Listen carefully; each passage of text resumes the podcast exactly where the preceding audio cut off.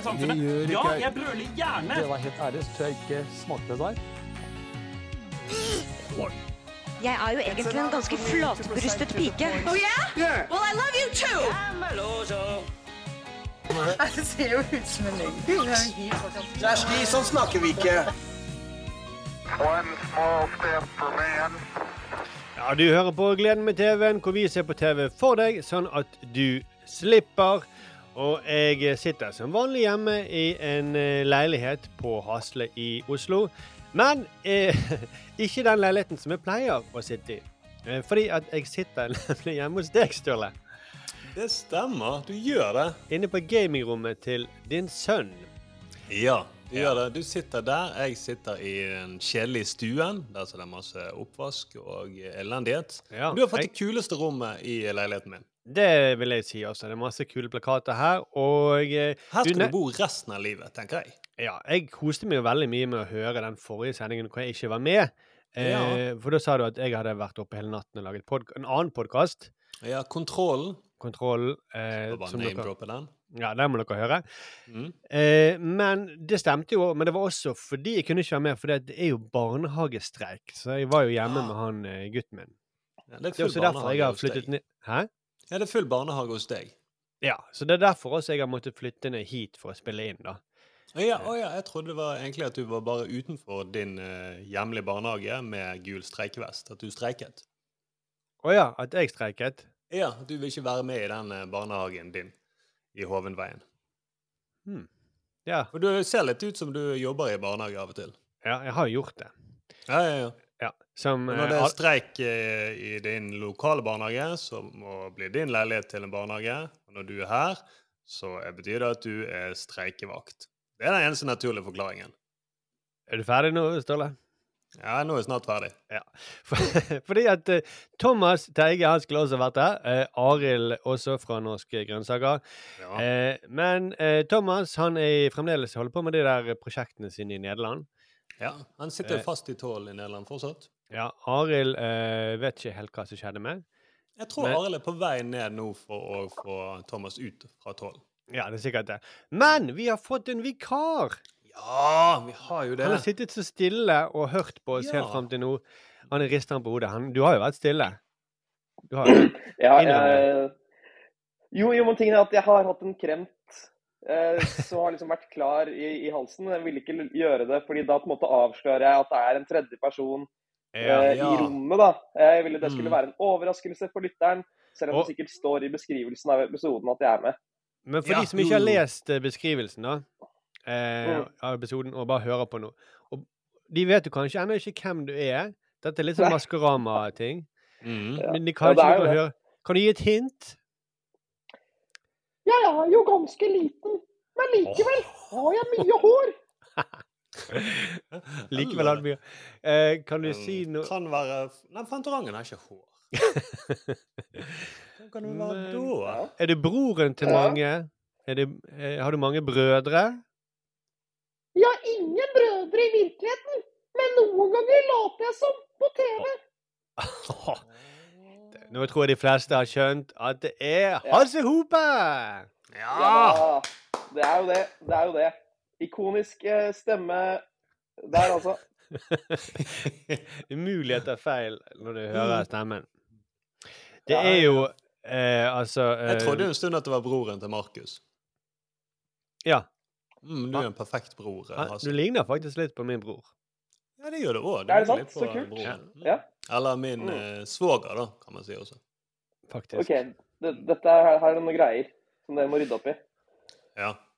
Eh, OK, jeg kan forklare videre. Nei, Det siste jeg sa, var at Markus er streikevakt, så han er ute. nei, ikke det vi skal rydde opp i. Oh, nei, nei, nei, nei, nei. OK. Nei. Forresten, veldig glad for at du ikke kremtet i sted, sånn at jeg, ikke, sånn at jeg kom ut av den forklaringen. Ja, Veldig det var bra, det snilt av deg, greia. altså. Mm. Men Ja.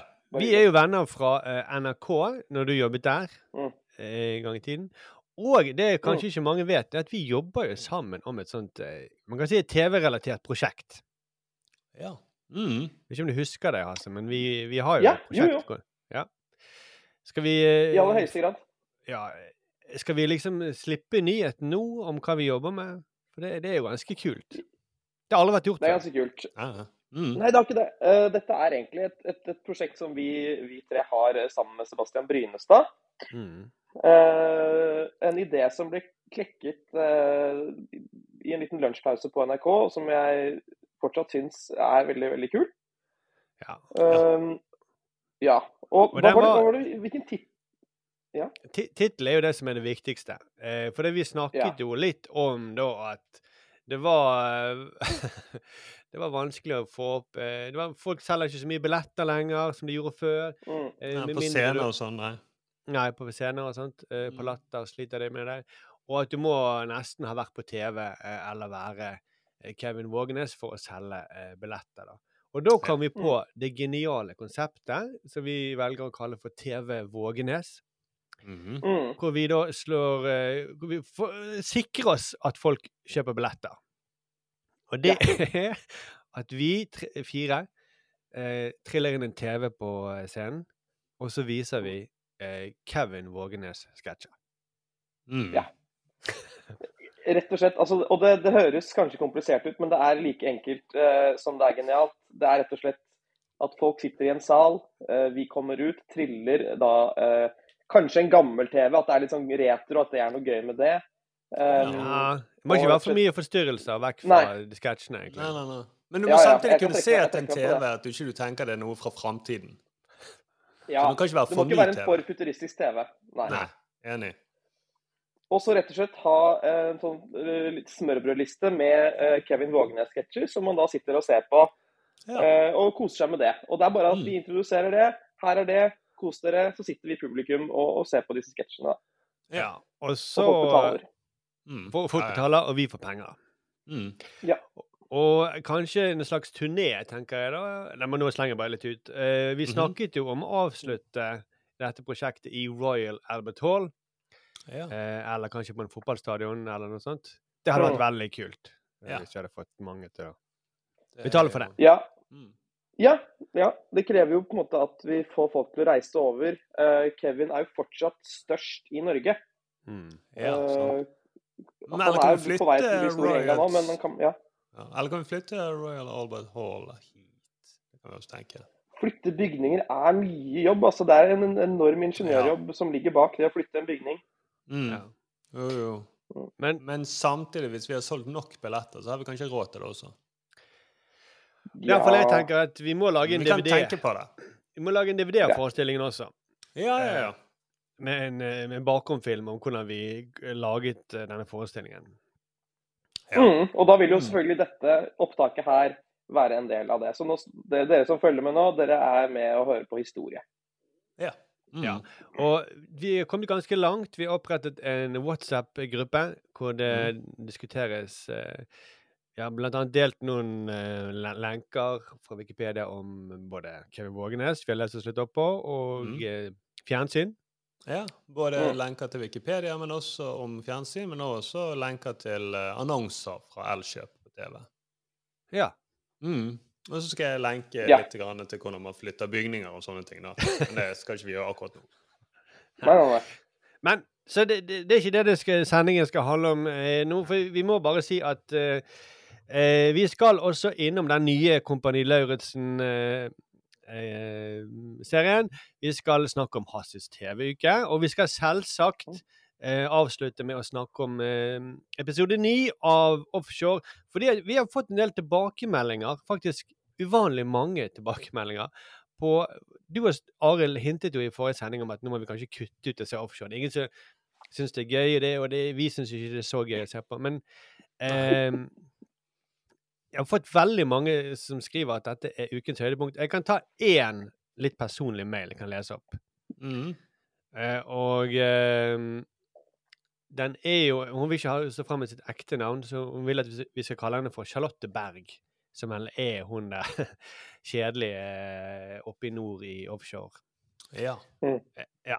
Hei, Strømme-boys. Eh, først og fremst vil jeg si at jeg digger podkasten deres. Det er min favorittpodkast, og dagen min blir alltid bedre når jeg kan høre en ny episode. Men etter å ha hørt den nyeste episoden der Arild og Sturle langt på vei antyder at jeg skal slutte med offshorespalten, så ble jeg skuffet. Og jeg sender dere denne mailen som en innstendig bønn om at dere bevarer den fantastiske offshorespalten. ikke bare er spalten ofte morsom og bra, men når jeg har vært sengeliggende en stund for en måneds tid siden, så er alle episodene av sesong én av Offshore, og jeg trenger virkelig at dere snakker om episodene. Eh, og bare som det er nevnt, så begynte jeg selvfølgelig utelukkende å se på denne serien pga. dere i Gleden med TV-en. Og, og skriver videre at hun kan ikke love at serien tar seg veldig opp. Offshore? Nei. Okay. Nei, Mm. men ja. Men hun hun, ikke oss, nei. det kommer definitivt flere scener i sesongen som jeg har veldig lyst til å høre deres tanker om.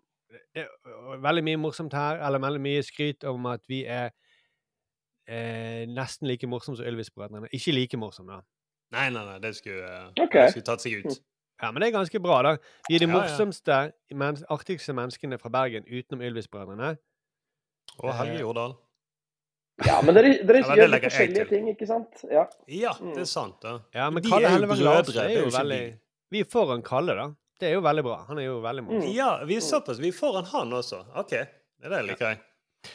Eh, og så uh, ja, så klager hun på at vi, når vi skal til Trondheim nå Det kan vi si. Vi skal til Trondheim på turné i uh, desember. Så har vi valgt et Mm. eh, veldig feil dato, da. Så hun, kunne, hun kan, kanskje Ja. komme. Så det er hun kritisk til. Ok. Mm. Okay. Ja. Mm. Ja, ja. 9. desember. Da må du komme til Trondheim, eh, Hasse, og se, betale billetter. Ja, dette, denne invitasjonen fikk jeg nå, så eh, takk, takk for det.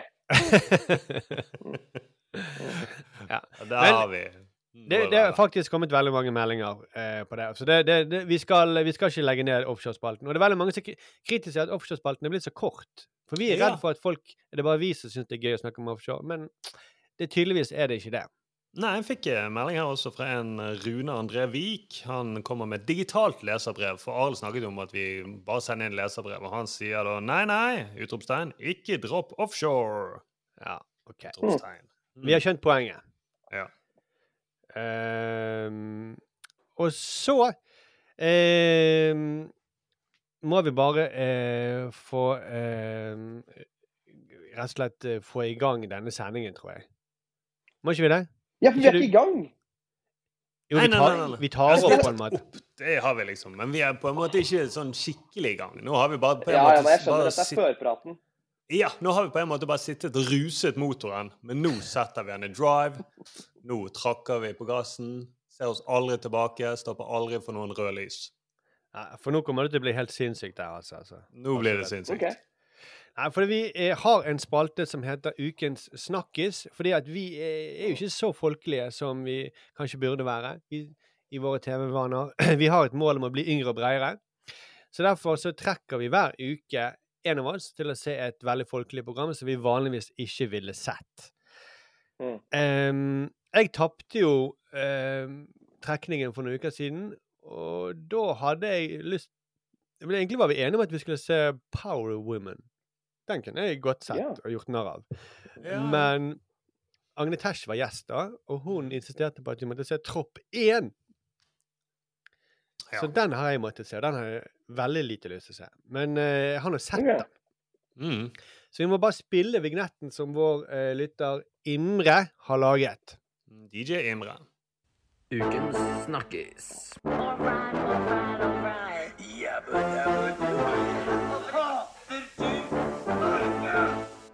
snakker uansett hva han sier. Ukens snakkis. Hva syns du om den eh, vignetten, altså? Du, den er, ikke, den er ikke halvgæren i det hele tatt. Det er mye greier der. Det er fint eh, underlag, musikkunderlag. Og jeg føler også de små lydklippene er veldig representative for, uh, for snakkiser. Da. Ja, du, du hører folk snakke, liksom. Ja, ja, ja, ja, ja. Mm, Men de gjør det midt i uken, eller i en uke. Mm. Ja, vi er jo alltid, Man er jo alltid i en uke. Man kommer seg liksom ikke ut av den der ukegreia. Man er alltid i enten et, et eller annet sted mellom 1 og 52 på uke, Ja, det er sant, det. Jeg Ja. Aldri tenkt på det. Nei, men det er når menneskene først fant opp begrepet uke, så ble vi på en måte fanget Mm. i det også. Et sånn Ja, er ukehamsterhjul. i- Ja. Ja. Mm. Mm. Hmm. Eh, jeg har da sett eh, Tropp 1, som er på en måte Det er Kompani Lauritzen, da med, ikke med kjendiser, men med eh, Ikke med vanlige folk heller, det er det jo ikke. Men med folk som ikke er kjendiser. Har du Nei. sett dette. Hasse? Nei, nei. Jeg har sett uh, litt av hvert av eh, de tidligere uh, sesongene som da bruker kjendiser, da. Eh, hvis, det er, hvis det er greit å si. Men jeg har ikke sett Tropp 1. Ja, for du nå gjorde du hermetegn med kjendiser. Ja, og det er jo ja. Det er litt sånn som man gjør når man snakker om f.eks. Firestjerners middag, så kan man kanskje bruke hermetegn. fordi ofte så er liksom kjendis fire rundt bordet kanskje ikke så veldig kjent. Og så Mm. er det liksom en sånn greie sånn Å ja, nå har de virkelig gravd i bunnen av bøtta for å finne kjendiser. Ja. Men i Kompani Ja. Lauritzen så har de jo stort sett ganske store navn med, så det passet ikke helt Ja. å gjøre det der. Nei, det passet ikke helt. Det var ikke Det var ikke um, det var ikke, det var ikke Fire stjerners middag-nivå på de gjestene der. Nei, nei, nei. Nei, nei, nei. Eller gjestene. Re rekruttene heter de. Ja. Men det vi kan gjøre, Hasse, er at vi kan jo klippe akkurat når du gjør det hermetegnet. Det kan vi klippe til et annet sted i sendingen som er mer passende. Ja, ja takk. Da må Ja, også det kan klippe vi ut den fikse. etterpraten når vi snakker om hermetegnene. Ja, vi kan Ja. fikse det i post, så det er ikke noe, det er ikke noe stress. Eh, Du kan klippe det til vi snakker om noen andre kjendiser. Er det det Ja, ja, ja. Mm, jo, jo, jo, som da passer til å være hermetegnkjendiser. Ja. Men, men du, du har ikke blitt spurt med å være med på Kompani Lauritzen, har du? Det du sier er feil. Eh, jeg, ble... jeg ble spurt eh, om å være med i sesong to. Gjorde du det? Eh, Sesong to, ja, vil du sesongen. ja, På sesong to, skal vi legge inn hermetegnet der, eller Vel, bare si fra Ja, vi etterpå. kan jo gjøre det. Ja, ja, ja. ja, ja, absolutt. Vi, vi, Mm. prøver, vi kan prøve å teste litt forskjellige steder. Ja. Nei, men Jeg ble spurt om sesong to, eh, og da hadde jo sesong, sesong én blitt altså, en suksess av dimensjoner. Over en million seere i snitt. Mm. Eh, og jeg hadde veldig lyst, rett og slett, fordi det ser, det ser, jeg syns det ser gøy ut. Um, og uh, jeg tror kanskje jeg kunne på en måte tatt steget og blitt inn i å bli allemannseie, da, hvis jeg hadde gjort en god figur i sesong to. Hele Norges Eh, Hasse. Ja det, det, er jo, eh, det er jo det Legg inn hermetegnet der. Ja, Ja, jeg gjør det. på hele Norges Ja, på hele. Nei, men, eh, ja, men du er jo i ferd med å bli det, da. For det, eh, det vi ikke nevnte, var jo når vi eh, kom i gang med den uh, eh, ideen om TV Vågenes. Da var jo du og Sebastian på vei inn i Beat for beat. Ja. Absolutt. Eh, og Ja. det er faktisk den, kanskje den eneste eh, Litt dumt, men den eneste Bit for bit-episoden jeg ikke har fått med meg. Men eh, den, fikk jeg ikke sett. Jo. Det er sant. Jeg har hørt det. Jeg har aldri sett Bit for bit eh, skikkelig, men jeg har hørt at den gangen du var med, du og Markus Nerby var med, Ja. det jeg har hørt fra flere, er en veldig, veldig morsom episode. Hvis det går an at Beat for beat er morsom, så er flere trukket fram at det var en gøy episode. Ja, nei, men altså I den episoden så, så lekte vi oss litt uh, med formatet. Og uh, det var et ganske sånn tykt lag med ironi som vi prøvde Mm. å balansere der. Sånn at uh, unge folk kunne se på det og være litt sånn ah, OK, de, de kødder litt. Mens Mm, gamle ja. folk kunne være litt sånn Å, så, så fine gutter de er. Som bare Mm. synger og er, er, er, er lykkelige, Ja. liksom. Så ja. Ja, men, eh, men du, for du får jo sånne forespørsler. Du er, du er jo i ferd med å bli hele Norges Hasse eh, allerede. Definitivt. Ja. Ja. Iallfall hele Men det ble nei til sesong to. Ja. Det ble nei til sesong Altså, du sa nei, eller de sa nei til Jeg sa nei. Altså, Ja. de, de rakk ikke på en måte å si nei, fordi altså, det er jo sånn at de, man, de, de spør en rekke kjendiser, hvis det er mm. greit. Kan jo ta inn hermetegnene der. Ja, ja, Um, at de spør. Mm. De spør, de spør en rekke kjendiser, og så eh, må kjendisene si ja, og så bestemmer TV 2 seg, på en måte.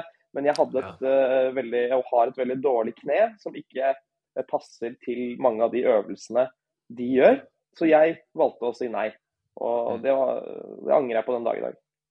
Ja, det er bra. Det, det er, her, nå er dette en Dagbladet-sak allerede. Angrer.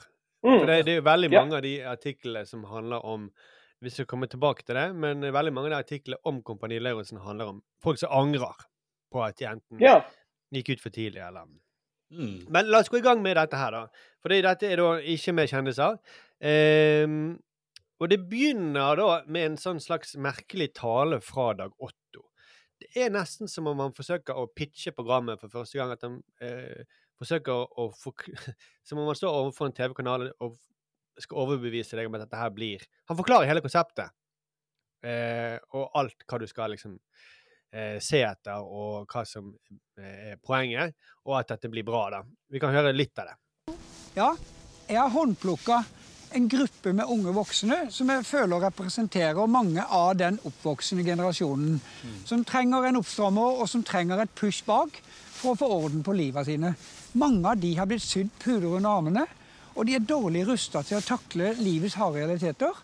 Og Flere av de som er på vei hit nå, de har jo møtt en del motgang i livet. Og mange har det til felles at de sjelden gjennomfører det de begynner på. Så det kan jo hende at vi her har noen som snur omtrent før de har satt foten innenfor porten. Det kan faktisk skje. Ja, og Dette er en liten sånn prat som de har. Og dette er, gans, dette er liksom det første som skjedde før vignetten, før noen ting. De bare begynner å prate om dette. Så dette er anslaget. Dette skal hekte deg. Ja. Det jeg ville si, er jo altså sånn Han sier at de har puter under armene, men samtidig så er det de møtt mye motgang. Du har masse puter under armene, så tror jeg ikke du har møtt så mye motgang. da. Nei. Ja. Nei. Med mindre det er vanskelig å komme inn døren fordi at eh, putene er så store under armene. Det er kanskje det eneste jeg kan se på meg. det er sant. Det er jo hans fordommer òg, da, mot, uh, mot unge folk i dag. Uh, han sier gjentar dette flere ganger, at dagens generasjon, disse her representerer de, de har puter under armene, eh, og de er psykisk ustabile. Og... Det kan godt være det er riktig, men eh, Jeg tror også det at når han sier at eh, det kan hende at noen av dem bare snur eh, idet de, de kommer inn på leiren, det tror jeg, og det er også selvfølgelig ikke sant. fordi de har jo i kontrakten sin at, eh, at de, de, de kan ikke bare gjøre det. De må rett og slett være med, eh, med litt. Eh, ellers så hadde de slitt med å fylle alle episodene.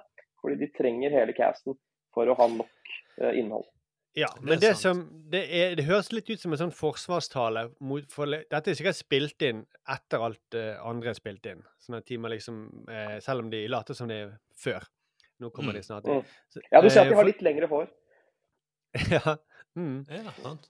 og, og, at det, det, er på en måte Det er akkurat som han forsvarer seg på forhånd. Altså, det, det kan være at noen disse her er så pysete at de, at de forlater det. For dette, dette går igjen, da. Eh, gjennom hele episoden, første episode, hvor de liksom hele tiden advarer seeren mot at eh, det kan være disse er så pysete at de forlater eh, programmet.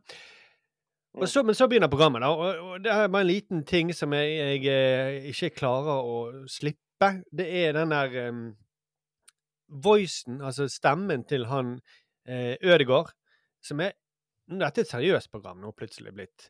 Eh, og det Jeg klarer ikke å høre på den etter 'Nissene på låven' og ta det seriøst. Mm.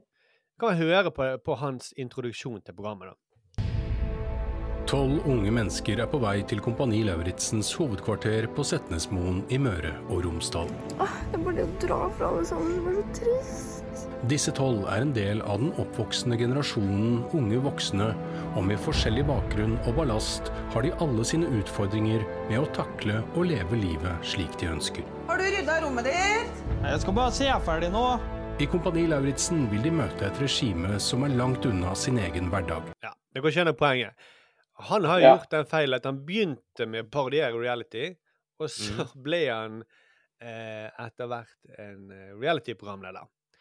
Så han har ødelagt litt for troverdigheten sin. Det er litt sånn som eh, Charlie Sheen var for meg, at jeg så han jo først i Hotshots. Nei! Ja. Alle gjør den feilen. Ja, ja du, du begynte å se på han i Two and a Half Men, eller? Nei, nei, nei. Jeg, jeg begynner, man skal begynne med først Platoon, så Wall Street, Mm. så Hotshots 2, så Two and a Half Men, så Hotshots 1.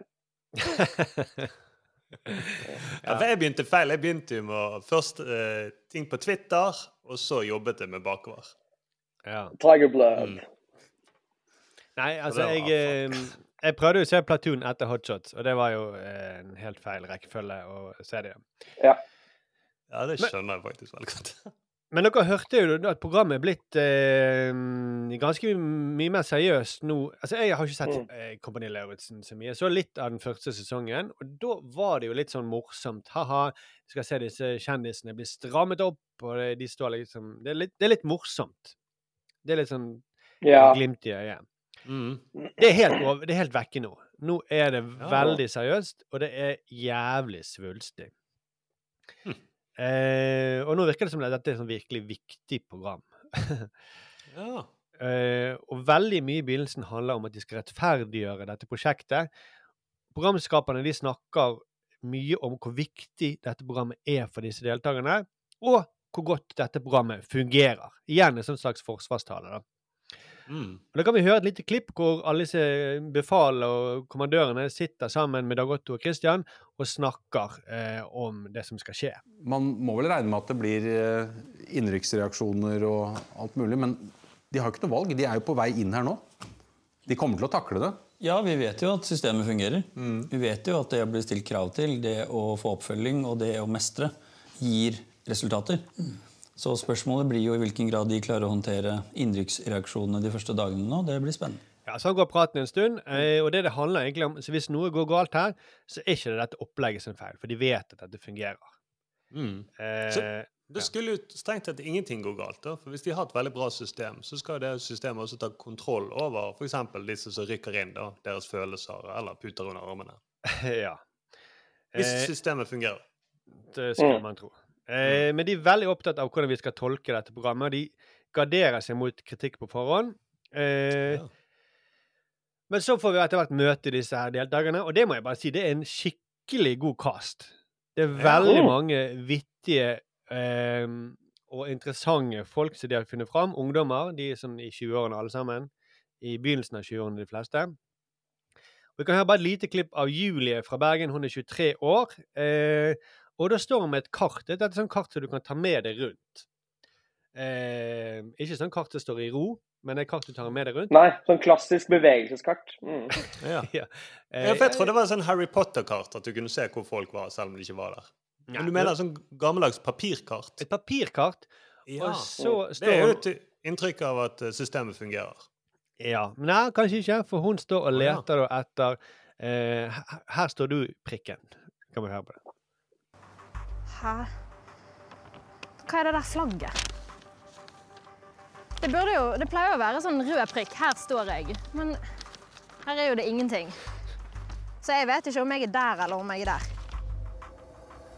Hvis jeg møter på utfordringer hjemme, så kan jeg eh, gi opp veldig lett. Ehm, jeg kan bli, begynne å grine hvis det er noe jeg ikke får til. Jeg er en veldig utålmodig person. Det kan være negativt her inne, for her må vi være tålmodige. Her eh, må jeg høre på hva befalet sier, og det kan være utfordrende. Der er et flagg! OK. Jeg tror jeg tar det for bokstavelig at flagget peker samme vei her. For da skal jo Da skal jo huset være her. Dere skjønner hva slags type dette her er?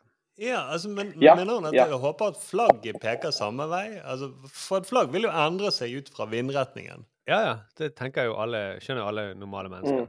Ja, men hun tenker at Ja. de har produsert dette kartet akkurat i det vindretningen var sånn i de 15 minuttene er der, og så nå må du ta det.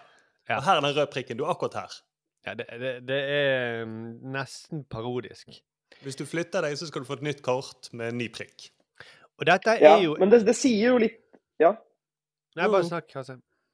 Nei, det sier jo det sier litt om, om eh, den oppvoksende generasjonen at det eneste forholdet de har til fy- fysiske kart, det er på kjøpesenter. Uh, yeah. For eksempel på Storo-senteret, eller på det senteret på uh, Torgallmenningen i Bergen, for å dra dere inn i det. Ja, og nå uh, skjønner. Ja, ja. Kjøpesenter. Ja, nå vet jeg hva det Ja, er. ja, ja. Og der er det en rød prikk som viser eh, hvor i senteret du er. Og det, utover det så har jo ikke disse noe forhold til fysiske kart. Og der står jo flaggene alltid samme vei. Ja. Yep. De, de er Eh, inne i eh, kjøpesenteret. Men dette er jo en debatt vi har hatt mye her i podkasten eh, om reality-program. Altså. Det er jo da om reality er best med kjendiser, eller om det er best med vanlige folk.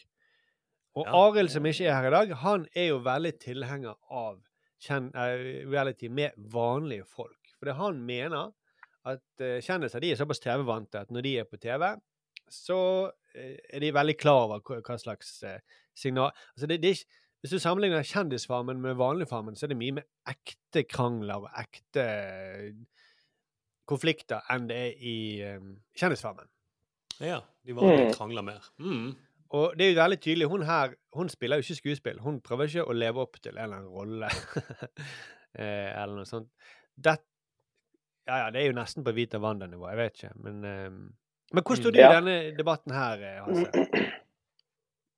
Du, altså jeg tror at folk flest de tror at de vil ha kjendisversjonen av et reality-program, men det de egentlig har lyst på, er, eh, er vanlige folk.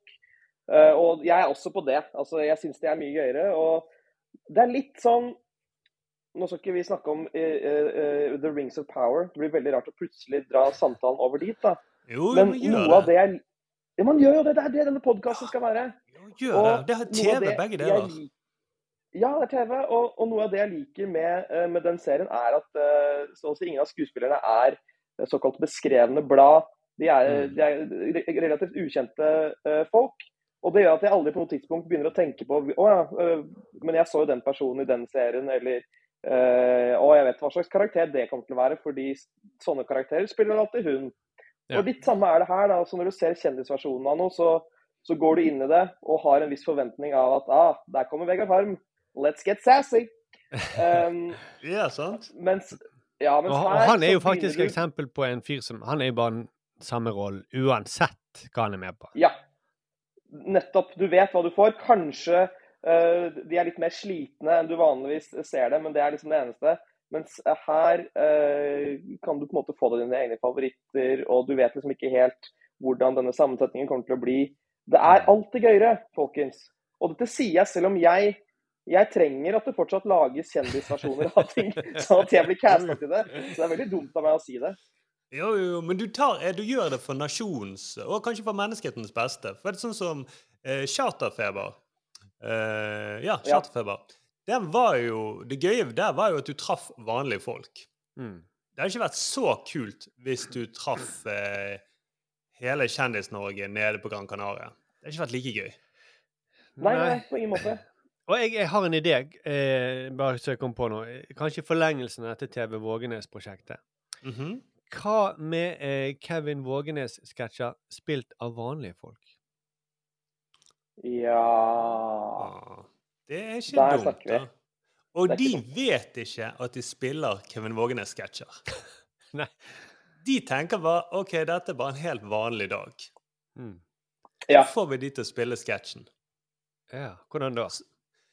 Nei, altså det vi gjør, er jo at uh, kanskje oss tre bryter oss inn når de sover, Mm. manus til de i ørene. Ja, selvfølgelig.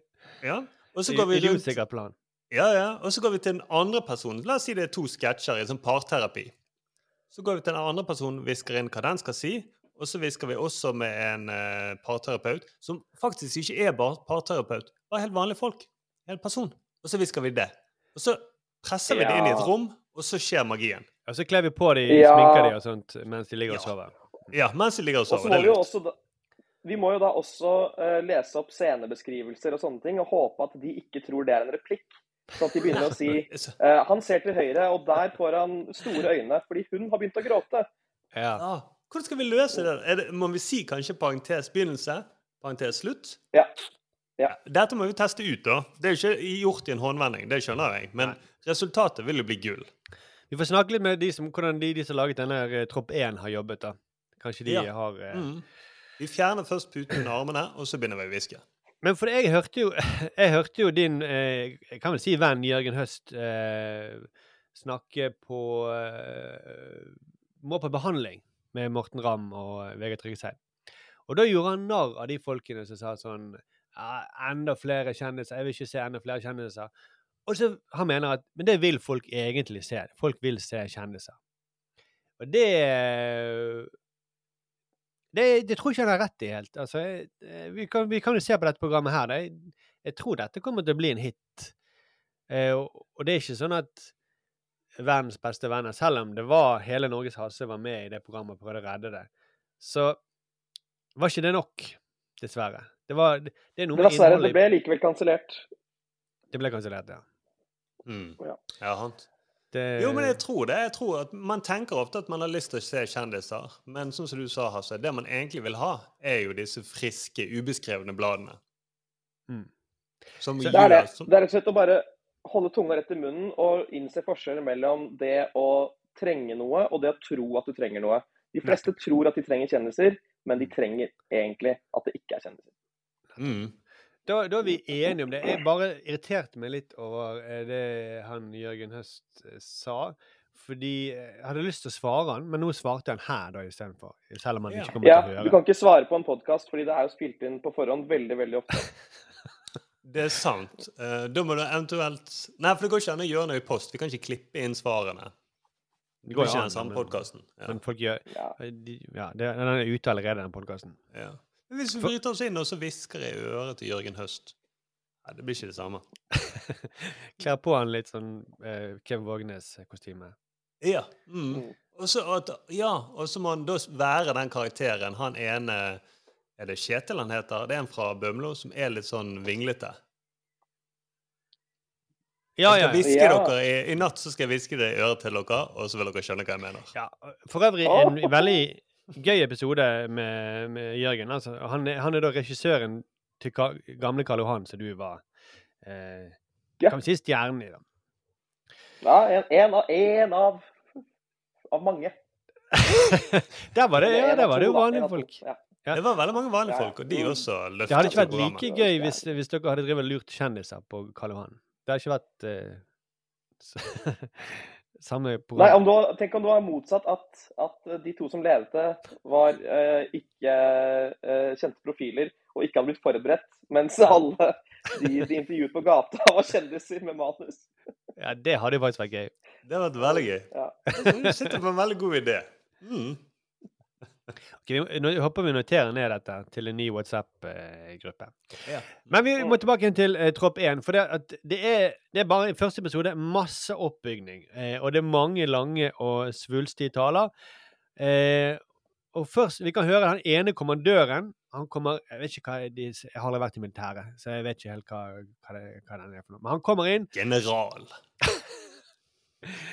Oberstløytnant eller et eller annet. Han kommer inn, og så møter han alle re- rekruttene. Snakker med dem og sånt, og så sier han at de er valgt ut blant 3000 mennesker. Eh, og at de nå eh, og Det er veldig ærefullt. Og sånt. Og så kan vi bare høre slutten av denne talen, som blir svulstigere og svulstigere og svulstigere utover. Og dere har sagt ja. Det betyr at dere har skrevet en kontrakt med oss om at dere alltid skal gi deres ytterste. Deres ytterste, uavhengig av situasjon, uavhengig av forutsetninger. Åkke som deres ytterste. Det betyr dere skal alltid gå på med alt dere har.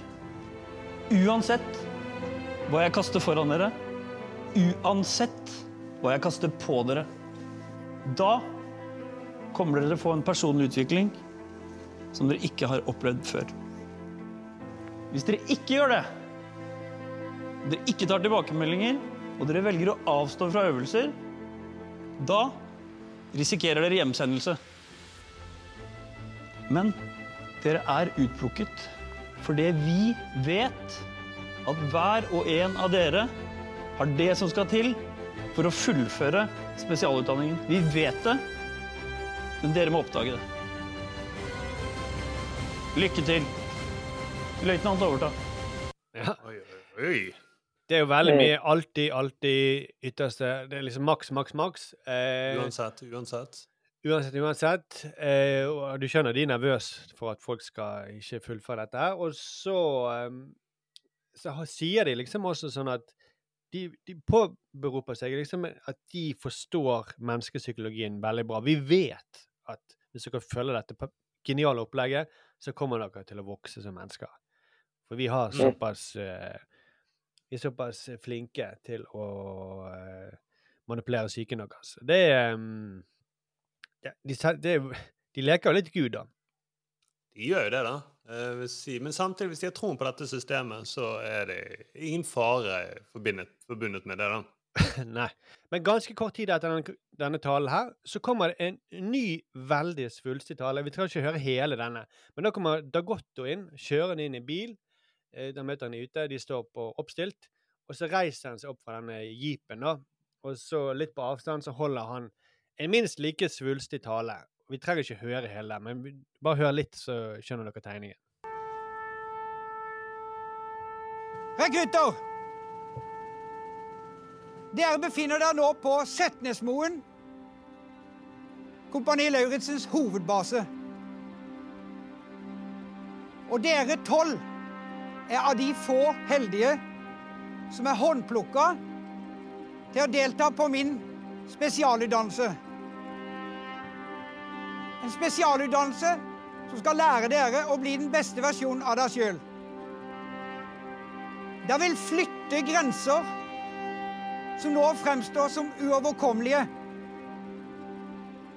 Der vi kjenner på fortvilelse og håpløshet, utmattelse og mørke. Men det er gjennom dette vi òg vil gi dere muligheten til å kjenne på det som er viktigst. Mestringsfølelse og samhold. Ja, OK, dette bare varer og varer og varer. Eh, han begynner å Mm, snakke om at alle de, de, de, dere er deres nye brødre og søstre og bla, bla, bla. Ja, sant, for det, jeg vil si at Den første talen der fikk jeg veldig vibes til eh, Independence Day-filmene. Følte du det? Mm. Bill Pullman. Ja, sant. Men har du sett eh, Du har jo sett Maktens ringer, eller Power of uh, Rings? Er det den heter på engelsk? Rings of Power. Rings of Power, sånn er jeg vil si Maktens ringer, for da er jeg mer på trygg Ja. Men den siste talen eh, hørtes litt ut som eh, Maktens ringer, med musikken. Nå kunne vi være tilbake til Midtgard. De holder Ja, en tale er- fordi at ja, hva skulle du si? Nei, jeg ville bare si at de holder jo en tale. Det høres ut som det høres ut som Nei, OK, nå må vi legge inn hermetegn her. Men i hvert fall, det høres ut som Nå holder han en tale like før. Når eh, sol går ned, så kommer orkene. Vi må holde stand. Vi er eneste som eh, forsvarer eh, menneskeheten her. Ja. Ja, det tror jeg handler mye om musikken som er da lagt på i post. Og det er jo litt gøy for lytterne å, å få høre litt hvordan det funker. Det er jo rett og slett Musikken er ikke i rommet eh, når det sies. Så Mm. de, de som da hører denne talen, hører den bare rent. Og så kan Ja. de da legge på et lydspor, sannsynligvis med musikk som ikke har noen rettigheter, eller altså sånn gratis musikk som ikke man må betale for å bruke. da. Um, og da får jo da talene sin egen vib. Litt sånn Rings of Power eller Independence Day, om du vil. Ja, og en, liten, en liten greie med det da, er jo at uh, de har sikkert betalt for abonnement på Universal eller noe sånt. musikk Musikk så de Mm. kan, en stor, eh, stort bibliotek med musikk så de kan laste ned. Det er ikke et kringkastingsorkester som har spilt en uh, musikk som passer perfekt til denne scenen, uh, komponert av nykomponert for anledningen. Dette er liksom sånn Og dette er jo vi som hvis du har jobbet litt med redigering og sånt, så har du jo eh, oppdaget Å, den sangen er kul, den bruker vi. Og så hører du den igjen dukke opp i en annen reklame og en annen reklame.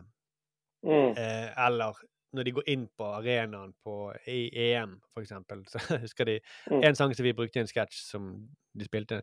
Men iallfall Mm. det, det som eh, du også hører det på, at den er jo ikke, perf den er ikke perfekt laget, sånn at når scenen er ferdig, så ofte er ikke musikken ferdig.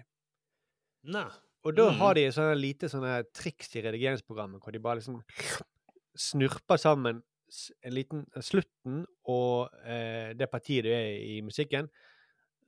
Sånn var det jo på den når du hørte den første svulstige talen. Så går Ja. musikken, da, da, da, og så plutselig vdum, så er den ferdig. Mm. Det er et lite hopp som maskeres av, et, eh, av en sånn effekt de har i, i redigeringsprogrammet. Mm. Og det er jo bra at de da legger det i post, i og med at ville jo kanskje forvirret de som hører på talen, hvis de begynner å henge seg opp i at Vet du hva, nå kommer en liten. Ja, nå er ikke det helt i takt der. Nå Nei, spilte sant. han litt Ja. Så det er litt sånn fun fact da for dere som eh, vanlige folk som bare ser på TV. Som ikke Ja, ja, som ikke skjønner magien. Lager det. Mm. Men eh, OK, så er det litt sånn disiplineringsproblemer her i begynnelsen. Eh, blant annet så er det, sitter det og spiser, og så er det en som søler noe ris på gulvet. Hun går ut for å liksom eh, kaste dette riset i søpla, og så sier han 'Hvor skal du med den maten?' 'Nei, jeg sølte det på gulvet'. Ja, men det er jo mat. Så hun må spise det, da. Ja. Og hvilken eh, trompetmelodi legger de til den spiser? det er Når hun spiser maten. Når han endelig ja. ja. det er Independence Day-musikken. da. Ja, det er det, ja. Mm. På dag Eh, fire slår vi tilbake. Vi spiser maten. Og så blir de helt sånn Hæ, måtte du spise det? Og, Sånt? Og så eh, går han eh, bort til han eh, kommandøren, jeg kaller han for, da. Generalen, kan jeg si. Han går bort Ja. til bordet, så sier han hvis dere syns det er ekkelt å spise mat som er på gulvet, eh, så er det bare Det er enkelt, det. Og det er det bare ikke søle. Å ja. ja. Det har jeg ikke tenkt på, egentlig. At når jeg har sølt Det eneste jeg trengte for å unngå det, var å ikke søle. Det er bare å ikke gjøre dumme ting, det. Så slipper du å få problemer. Ja, det er en god eh, huskeregel i livet. Ikke gjør dumme ting. Og da blir man minnet på at dette her er en måte, militæret er en måte å organisere samfunnet på som sikkert passet veldig godt på 1800-tallet, men som kanskje ikke eh, passer i dag, da. Fordi at eh, vi forstår jo etter hvert at eh, Vi har forstått at mennesker har jo svakheter, eh, og søler og så. Og det er jo ingen bedrifter som ledes sånn i dag, selv om fabrikkene ble ledet sånn på Oliver Twist eh, sin tid. Det er ikke bra for folk, og det er heller ikke særlig effektivt, har man jo skjønt. Blant annet så snakker han om at de, han syns de ler litt for mye. Så han vil at de skal bruke den energien som de bruker til å le, den skal de bruke til noe konstruktivt. da. Mm, til spising. ja. Eller til å være med i et reality-program. Jeg, jeg, skjønner ikke helt eh, Nei, for man kunne snu det på andre måten og si at OK, eh, hvis du eh, har problemer med at dagens unge har eh, puter under armene og sånn, ja, så ikke lag et reality-program, da. Ja. Lag det for 50 år siden. Fordi Ja. man begynner nå å skjønne Du var litt nølende, Hasse. Men du sier ja. Ja, Tenkte du, at, litt. Og ja, tenkte du for 50 år siden hvordan ville kneet mitt vært? Hadde jeg klart å være med da? Ja, kanskje? Nei, jeg tror, altså, nei, teknologien eller vitenskapen hadde kommet mye kortere på, på um, meniskfronten da, dessverre. Ja, det er sant. Mm. Men da hadde de bare, kanskje bare kuttet av det kneet, så kunne du vært med eh, med en Ja. trefot eller et eller annet sånt. Men da begynner man etter hvert å ane hvorfor de garderer seg så mye og forklarer at dette er et veldig bra prosjekt og sånt for disse unge. Fordi vi får jo møte Det kommer fram at flere av de som er med, de sliter med angst. Ja. Det er jo et, veldig rørende portrett av en jente som heter Lian fra Lødingen, som har blitt eh, mobbet mye i oppveksten og slitt mye med sosial angst. Hun gråter veldig mye den første dagen hun er der. da. Rett og slett bare fordi hun syns det er slitsomt å forholde seg til alle disse folka. ja, hvis du må spise mat fra bakken, så hadde jeg også grått en skvett. Altså det. Ja. Og hun, vi skjønner at dette her kommer til å bli tøft for hun, eh, og at eh, man forstår også hvorfor de forsøker å forklare dette er bra opplegg for alle, hvis de eh, gidder å fullføre det. Tilfeldigvis så var jeg innom Dagbladet etter jeg hadde sett den episoden, og da var det en spoilerartikkel eh, om at hun trekker seg da etter noen programmer. Oi! Mm. Det er veldig rart da at det ikke Ja. hjelper å bruke sånne militære metoder for å skremme noen med angst til å bli bedre, at det ikke funker. Ja, mm, at du gjennom å eh, mm, prøve å endre atferden din med å skremme dem, så blir det mer angst. Jeg har aldri trodd. Ja. Eh, så det var um, Men etter dette her, så fisler det ut. Det, hele episoden er bare en sånn enormt lang oppbygning om eh, Nå kommer det Det skjer noe fantastisk i deres liv. Eh, får bare se de blir litt bedre kjent med hverandre, spise mat, tre opp senger. Mye svulstige taler. Og du skjønner at det er en jævlig vittig gjeng de har samlet. Altså, den eneste grunnen til at jeg vil litt fristet til å se videre, er jo fordi at eh, det er vittig, veldig eh, vittige folk. Blant annet er det en sånn kristen ung gutt som har kjempegodt humør. Han tror på det beste i alle mennesker og tror det beste om alle. Og han sa at eh, jeg vet jo at militæret prøver å bryte med det, men det kommer du ikke til å klare, for jeg har troen min. Og den vet eh. Jeg har det gode humøret mitt uansett. Ja. Så de driver og trakasserer han, men han bare smiler og eh, det, er nesten, det er nesten en diagnose som er litt skumlere enn angst, vil jeg si. Litt, Ja, på en måte. Nesten som at Ikke at det er en diagnose som kan lede til korstog, det vet jeg ikke. Nei. Men det, man kunne tenkes. Men det kan jo også være at han har Ja, ja. troen, men òg at han ser Og det de andre ikke tenker over, er at alt dette blir filmet. Det er ikke en ekte militærleir. Det bare filmes. Ja. Ødegaard er ikke en general eller admiral. Han er bare en fra Nissene på låven. Så dette var da min gjennomgang. Eh, jeg jeg syns det var forfriskende å se eh, kjendiser, men nå har de begynt å ta de er blitt litt høye på sin egen suksess i Kompani Lauritzen. De tror at dette her det, Vi holder på med noen jævlig viktige greier for menneskene ved å sette det inn i sånn gammeldags 1800-talls eh, regi, autoritært regime. Men jeg tror kanskje når de evaluerer programmet sitt, så spiller de jo den trompetmusikken. Og så tenker du vi har gjort en skikkelig bra jobb. Ja. Mm. OK, vi evaluerer en gang til, men nå er det musikken fra Maktens ringer. Ja, og da kan de jo bruke den eh, fordi det ikke er, skal sendes, så da kan de bruke eh, altså copyrighta musikk. Ja. Mm. Og da kan de time det sånn at da kan de holde på helt til sangen slutter. De trenger ikke å snurpe det inn Ja. eller klippe det til. da. Mm. Nei, nei. Ja, det er sant. Ja, det er veldig godt innspill, altså. Mm. Men, Takk. Som gjør at vi kanskje eh, må over til å snakke om Hasses TV-uke. Skal vi lukke spalten, Ståle? Ja, Vi lukker spalten med DJ Imre.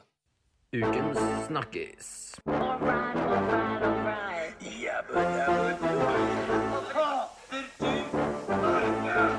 Tacofredag. Han snakker uansett hva han sier. Ukens snakkis.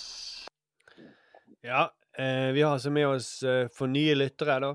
Jeg vet ikke om det, er- man kan få nye lyttere på en podkast, men eh, Hasse Hvis Hope det er noen som liksom har skrudd, i, skrudd Ja. på de siste minuttene Ja. Mm, ja, ja, Det det er kan man si. kjemperart å spole hit. Ja, Mm. Men det kan være det noen. Så det, Ja, ja. Man ja. jeg ser jo alltid det på fotballkamper, for eventuelt nye seere. Så- Ja, sant. Jo, jo. Og hvis noen f.eks.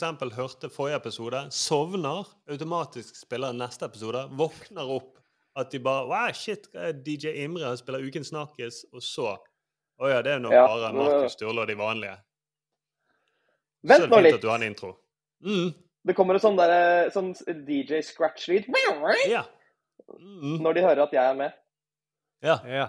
Mm. Så bare Hæ? Hvem er dette? Og da er det fint om dere, hvis du hører på nå, da, at du spoler det tilbake til begynnelsen, og så tar du den teasen som vi hadde. Ja. Ja, at, Men- men de, du skal ikke gjøre det nå. De må spole tilbake for å høre den. Ja. Mm. Mye oppgaver for nye lyttere, da. Men Ja. eh, Ja, hvis du eh, nettopp begynte å høre på, så er det en del oppgaver som venter på deg for ti sekunder siden. Vi har med oss eh, Hasse Hope, som har Hva er ditt forhold til eh, idiotboksen, som eh, vi kaller den for her i Ja. Nei, jeg er jo imot eh, å kalle det det, men eh, jeg kan la det gå. Um, Vi også er det. Det, det, vi, vi, vi, det, det, var, det var min far som pleide å kalle det for det. Bare for å si det. Ja, OK. Ja, Nei, men hvis du sier det. Jeg har eh, hele livet sett på TV, eller Idiotboksen som vi ofte kalte det eh, hjemme. Og eh, vokste opp med eh, NRK og TV 2. fordi mine foreldre jobbet i NRK, så vi skulle helst ikke ha kommersielle eh, kanaler. Eller TV 2 var en kommersiell kanal, men TV 3 hadde jo også reklame for bl.a. leker og, Mm. og diverse Altså det var mye reklame rett mot barn som de hadde lov til, fordi de, de hadde sin sender i London, så det var noen uh, lover og regler der. Litt sånn som de i dag Um, bruker uh, Viaplay bruker eh, har gjort for å omgå sånn betting. De, de sender, fordi de sender Ja. fra England, så kan de sende bettingreklamer. Helt riktig. Mm. Eh, men, men sånn sett, hvorfor har ikke de lov til å ha alkoholreklame? Det er jo kjempevanlig i utlandet. Hvorfor skal vi aldri få det? Mm. Er det det i EU? Er det lov til å ha alkoholreklame i EU? Å, er EU-eksperten. Nei, jeg vet ikke. Jeg bare nei, jeg tror, nei, men jeg tror det er det. Men det, det er et eller annet De mener at de kan sanksjonere det fordi at hvis du selger produktet i Norge, så kan du straffes eh, på den måten. At du kan bli tatt på den måten. Ja. ja. Mm. Jo, men i hvert fall eh, Så jeg har alltid sett en del på TV, men jeg har alltid vært en filmfyr. Jeg har eh, ofte valgt å se på filmer i stedet for å se på uh, lineære TV-programmer. Mm. Eh, selvfølgelig har jeg sett eh, eh, noen av de store hitsa. Eh, altså Kråkeslottet, Robinson-ekspedisjonen, eh, det derre programmet med. Mozart-kuler. Bit for Ja. bit har jeg sett. Mm. Eh, Villa Medusa. sånn. Så jeg har, jeg vil si at Villa Medusa med svarte og hvite kameler, jeg har sett eh, mye greier. Og det er viktig for meg å alltid ta referanser. Så hittil i sendingen så har jeg tatt alle referansene dere har slengt i trynet mitt. Jeg er ganske uh, on point der. Ja, det vil si det er imponerende. Mm. Så OK, men eh, dette er jo veldig spennende. Nei, nå har vi liksom vært eh, Hvis vi tenker i Kompani Lauritz, nå har vi snakket Nå har vi bygget opp veldig forventningene. Nå er episode én over, på en måte. Hasse tar alle referanser. Eh, Men eh, egentlig aller mest glad i litt sånn sofistikert eh, film, nå, egentlig. Eller for film er jo litt over TV i manges øyne fremdeles. Så, men hva har du eh, Hva har du sett på denne uken her?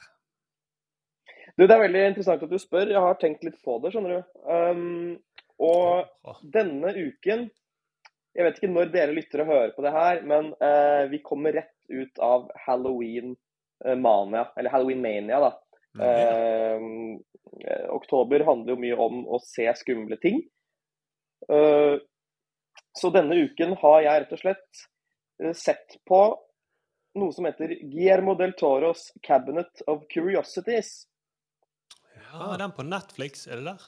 Det er på Netflix. Ja. Og det er rett og slett eh, da en eh, Jeg lurer på om det er åtte, ni, ti episoder eh, med enkeltstående minifilmer. Ikke kortfilmer, for de er ikke sånn et kvarter, det er liksom en time. Hver episode har sin egen handling, nye skuespillere, ny regissør osv. Uh, alle skal være skumle, og alle blir introdusert av mesterregissør Guillermo del Toro fra Mexico. Han har laget da Han laget Pans labyrint, blant annet. Den Pa husker jeg så. Pans labyrint, uh, Hellboy Han har uh, laget uh, The, The Shape of Water. Han har, han har laget veldig mye greier. Han er, som, han er en flink, flink fyr som er liksom skrudd på, på en, en ganske kul måte. Men, men det er ikke han som har regissert Nei. disse episodene. Og det er det som er litt interessant.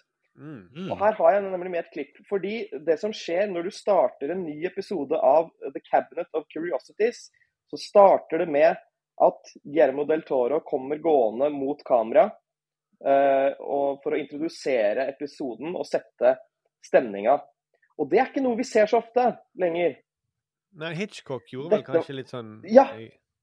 Det er nettopp det. det er nett, dette er noe Hitchcock gjorde på 50- og 60-tallet. Fordi han var en så kjent regissør at det å ha, eh, det å ha han med på prosjektet og det å, ha, å få han til å introdusere noe, det ga en egen tyngde. Eh, og så har vi ikke sett det så mye lenger. Og det er nok dette Guillermo del Toro prøver å, å ha en referanse til her. Da. Også for å på en måte opphøye produktet som, som blir servert. Uh, og vi kan jo høre hvordan det høres ut.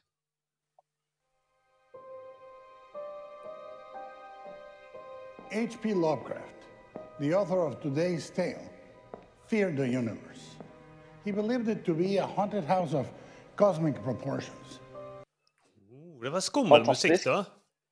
Ja, du må ikke glemme det. Og den musikken er jo da ikke i rommet. Den er de rett og slett lagt på i uh, ettertid. Ja, bra. Uh, ja, det er kjempekult. Um, og så, så han introduserer det, og du hører også at han er ikke så vant til å gjøre sånne ting, så han har ofte noen sånne unaturlige pauser der han må huske manus eller må finne hvor han er i teleprompteren. Eh, men det syns jeg bare er sjarmerende, egentlig. Mm. Ja, for det fikk en sånn vibe, kanskje fra Hitchcock da, eller andre. Det er sånn gammelt grep, der de kommer inn og forteller eh, I dag, kommer, i kveld kommer det til å se mystiske ting. Både varulver og vampyrer. Ja. Så bli med. Men tenk om man Ja, hadde gjort det med, med, med i Ja. komedie, for eksempel. At uh, en veldig kjent komiker gikk inn og forklarte Altså Lars Mjøen eller noe sånt, eller eh, Harald Eia, som kommer og forklarer at nå skal dere få se en ny sketsj eh, fra Hasse Hope, og den kommer til å ha løsneser, og det kommer til å være eh, skjult kamera. Ja, men det er jo egentlig det er jo egentlig det man uh, Man har gjort det mye med humor. Hvis du ser eksempel på Åpen post eller Team Antonsen, alle innslagene de sendte, ble jo alltid introdusert av Bård Tufte Johansen, som da skulle på en måte sette premisset, sånn at du visste hva du skulle følge med på. Og da kunne premisset være Ja, Atle, du har jo alltid vært veldig glad i å snakke med kjendiser. Eh, Denne uken har jo du intervjuet Lars Saabye Christensen. Men eh, ja, det gikk vel ikke akkurat som planlagt. Du hadde på deg litt glatte sko, vi kan jo se hvordan det gikk. Ja, det er Og da sant. vet du som seer ja, at dette skal i utgangspunktet være et helt vanlig intervju, men på et eller annet tidspunkt så vil det nok kanskje skje noe som ikke pleier å skje. Og det er sant, for vi, vi har jo skrevet for uh, både Harald, og da var de veldig nøye på disse introduksjonene. At du skulle si um, For eksempel så var det en sånn uh, Harald Eia gjorde en sånn veldig vittig ting når han eh, Hvor han bare liksom snakker som det høres ut du hører ikke hva de sier, men det høres ut som det er en slags radioteater. Mm. Knut, hvor er du? og alle skjønte med en gang ok, dette her er veldig tatt på kornet. Mye bedre enn jeg gjorde nå, da. Jo, men den, det er sånn høytopplesning som de har på radio. Ja. Mm.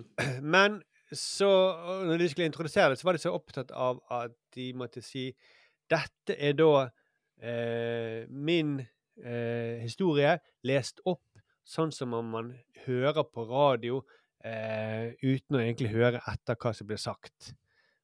Mm. Det gjentok de mange ganger. liksom sånn, Kanskje det er nødvendig for, at, eh, for å få mange folk til å le, men de var veldig nøye på det der at de trodde Jo tydeligere man er, jo morsommere blir det. Ja, og, helt... det, og, det, er en filosofi som jeg kan stille meg bak. Men, men det var veldig motsatt. Altså, litt, ja. Vi var unge og var litt sånn eh, Vi likte jo at, at, å oppdage ting sjøl, så vi var veldig sånn skolert i at nei, det må være det må, Du må ikke legge for mye i det, for det, da overforklarer du vitsen, på en måte.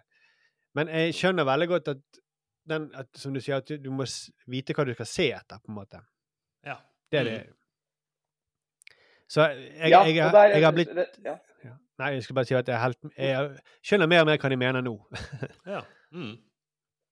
ja, for det er jo rett og slett egentlig bare uh, set, Det de gjør i introduksjonen, er setup, og så er på en måte det de viser punchen. Uh, så hvis du ikke på en måte er med på hele utgangspremisset, så kan det være så kanskje latteren sitter litt lenger inne. Jeg veit Ja. ikke. Man skal ikke alltid gjøre det i det hele tatt, men noen ganger så er en god introduksjon verdt sin vekt i gull.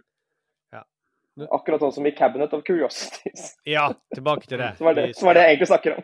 Unnskyld. Nei, nei, nei, det er jeg som drar det ut. I hvert fall, så øh, Han har disse introduksjonene, og så begynner øh, øh, filmen, da. Og det handler om masse forskjellige ting. Eh, det er en episode som handler om en dame som, som ser på TV, og så plutselig så begynner TV-programlederen å snakke til henne og ber henne om å kjøpe noe krem som bare er noe sånn skummel krem. Det er en episode der um, Skummel en, krem? en, en rekke Ja, men den er skummel. Jeg vil ikke si for mye, men den kremen burde hun ikke kjøpe. Hvis, hvis, Bård, hvis Bård Tufte Johansen introduserte den, så ville han sagt ja, det er jo ikke uvanlig at folk eh, sitter og kjøper kremer når de har sett reklame på TV, men i dette tilfellet kanskje ikke kjøp den. Ja, ta en titt på det her. Ja, OK. Ja, sant. Mm. Ja. Selv om man er på tilbud på Black Friday. Ja, Mm. nettopp. Og så har du en episode som handler om en, en eh, Det er fire-fem mennesker som blir invitert hjem til en veldig rik mann som bor i et veldig stort hus. Ingen vet helt hvorfor de har blitt invitert, men han har en skummel plan for nettopp dette. Klassisk premiss, og så, og så skjer det Han skal selge en krem. Han skal, han skal, alle episodene handler egentlig om forskjellige skumle kremer. Ja, ja, ja. Jeg lurer på hvordan pitchen til denne Ok, denne eh, episoden handler om veldig skummel krem. Mm, ja. OK, dere likte ikke den? Hva med veldig skummel Han er på en veldig skummel tube. Nevnte jeg det? ja. Tuben ser ut som en dolk. Eller en flaggermus. Vi kan tilpasse det. Ja, ja, ja, det er jo skummelt. Ja. Mm, ja, men det er sant. det. Er jo, men det minner meg om Jeg har aldri sett det, men jeg har bare sett uh, referanser i filmer. Uh, 'Tales from the Crypt' eller noe sånt. ting. Ja. Der også har de sånn at de introduserer de skumle tingene. Tales Crypt eh, var veldig stort på 90-tallet, og det var jo rettet mot uh, unge Altså tenåringer og, og, og, og ungdommer. Samme greie. Som Brukte kremer. Som brukte kremer, rett og slett. Men jeg, jeg, jeg tror ja. det er amerikansk ting. For det er en referanse som jeg ikke helt tar, men, men det er halloween og sånt. For i Simpsons de har alltid en sånn uh, halloween-episode. Mm. Og den Ja. introduseres alltid på en sånn De tuller litt med måten den introduseres på. Ja. Stemmer. Ja, de en gjør av det. karakterene kommer fram og presenterer det. Så jeg, vet ikke om dette er noe de Ja. vanligvis gjør med skumle ting på halloween. Nei, altså dette er egentlig uh, noe som starta med, med TV-serien Twilight Zone. Twilight uh, som Zone er det, var en ja. svær, svær greie uh, på 60-tallet. Der du også da hadde på en måte sånn kortfilmer som alle skulle være skumle, og du hadde én presentatør eh, som, som introduserte. og Det er det, det er det de parodierer da i eh, The Treehouse of Horror-episodene til The Simpsons. Mm. Ja. Mm. Skjønner. Hvis Ja, han er men så- Guillermo del Toro bare Det som er skummelt med han Det fins jo andre filmer som er skumle, men han har et eller annet creepy, sånn som i Pans labyrint. Måten han lager eh, disse monstrene på, så er det ikke, det er ikke som tror, Jeg velger å tro at det ikke er noen spesialeffekter. Han Mm. sminker og bygger de opp og gjør dem på sånn et eller annet sånn fordreid måte som eh, ikke bare Ja. ser skummel ut, men det er veldig ubehagelig. Det er helt riktig. og altså, Han er veldig opptatt av praktiske effekter og bruker sminke og uh, hva heter det på en norsk? Prosthetics? Pro proteser. mm. Um, Istedenfor å bruke uh, animasjon. Og Det samme gjelder mange av disse filmene. At det skal på en måte se ut som det ble laget på 70-tallet eller tidlig 80-tallet. Litt sånn Stranger Things-aktig. Men så er det én episode som, der det bare det, det sklir helt ut. Og du skjønner at her har ikke han snakka lenge nok med regissøren. fordi den regissøren bare, altså Det er bare green screen og, uh, og, og, og, animasjon. da. Og det er en helt forferdelig episode. Jeg tror det er episode syv. Uh, som, som, som er liksom satt på 1800-tallet. Allerede da skjønner du at du må bruke mye green screen, ellers blir det veldig dyrt. Ja. Um, og en fyr som da skal prøve å få tilbake sin søster fra et alternativt univers. Og Det er kjempedårlig, dere må ikke se den episoden. Eh, hovedpersonen blir spilt av han som spiller Ron i Harry, Harry Potter. Ja. Ja, ja. Mm, rødhåret. Mm. Han rødhårede, det helt riktig. Ja. Men det som er det største problemet, og dette er en, uh, nesten noe, et, et ankepunkt jeg har mot mange serier, særlig uh, amerikanske, og det er når eh, de får en, når en, Si at en karakter skal være fra Boston, da, sånn som i denne episoden her. Og så velger de istedenfor å finne noen fra Boston, eller noen fra USA i det minste, som nailer den aksenten, så får de en britisk skuespiller til å spille den karakteren. Og så får ikke den personen til den aksenten. Og så tar det meg helt ut av handlingen. Jeg sitter bare og tenker på Oi, der, du bomma på den og den og den det og det det, det ordet.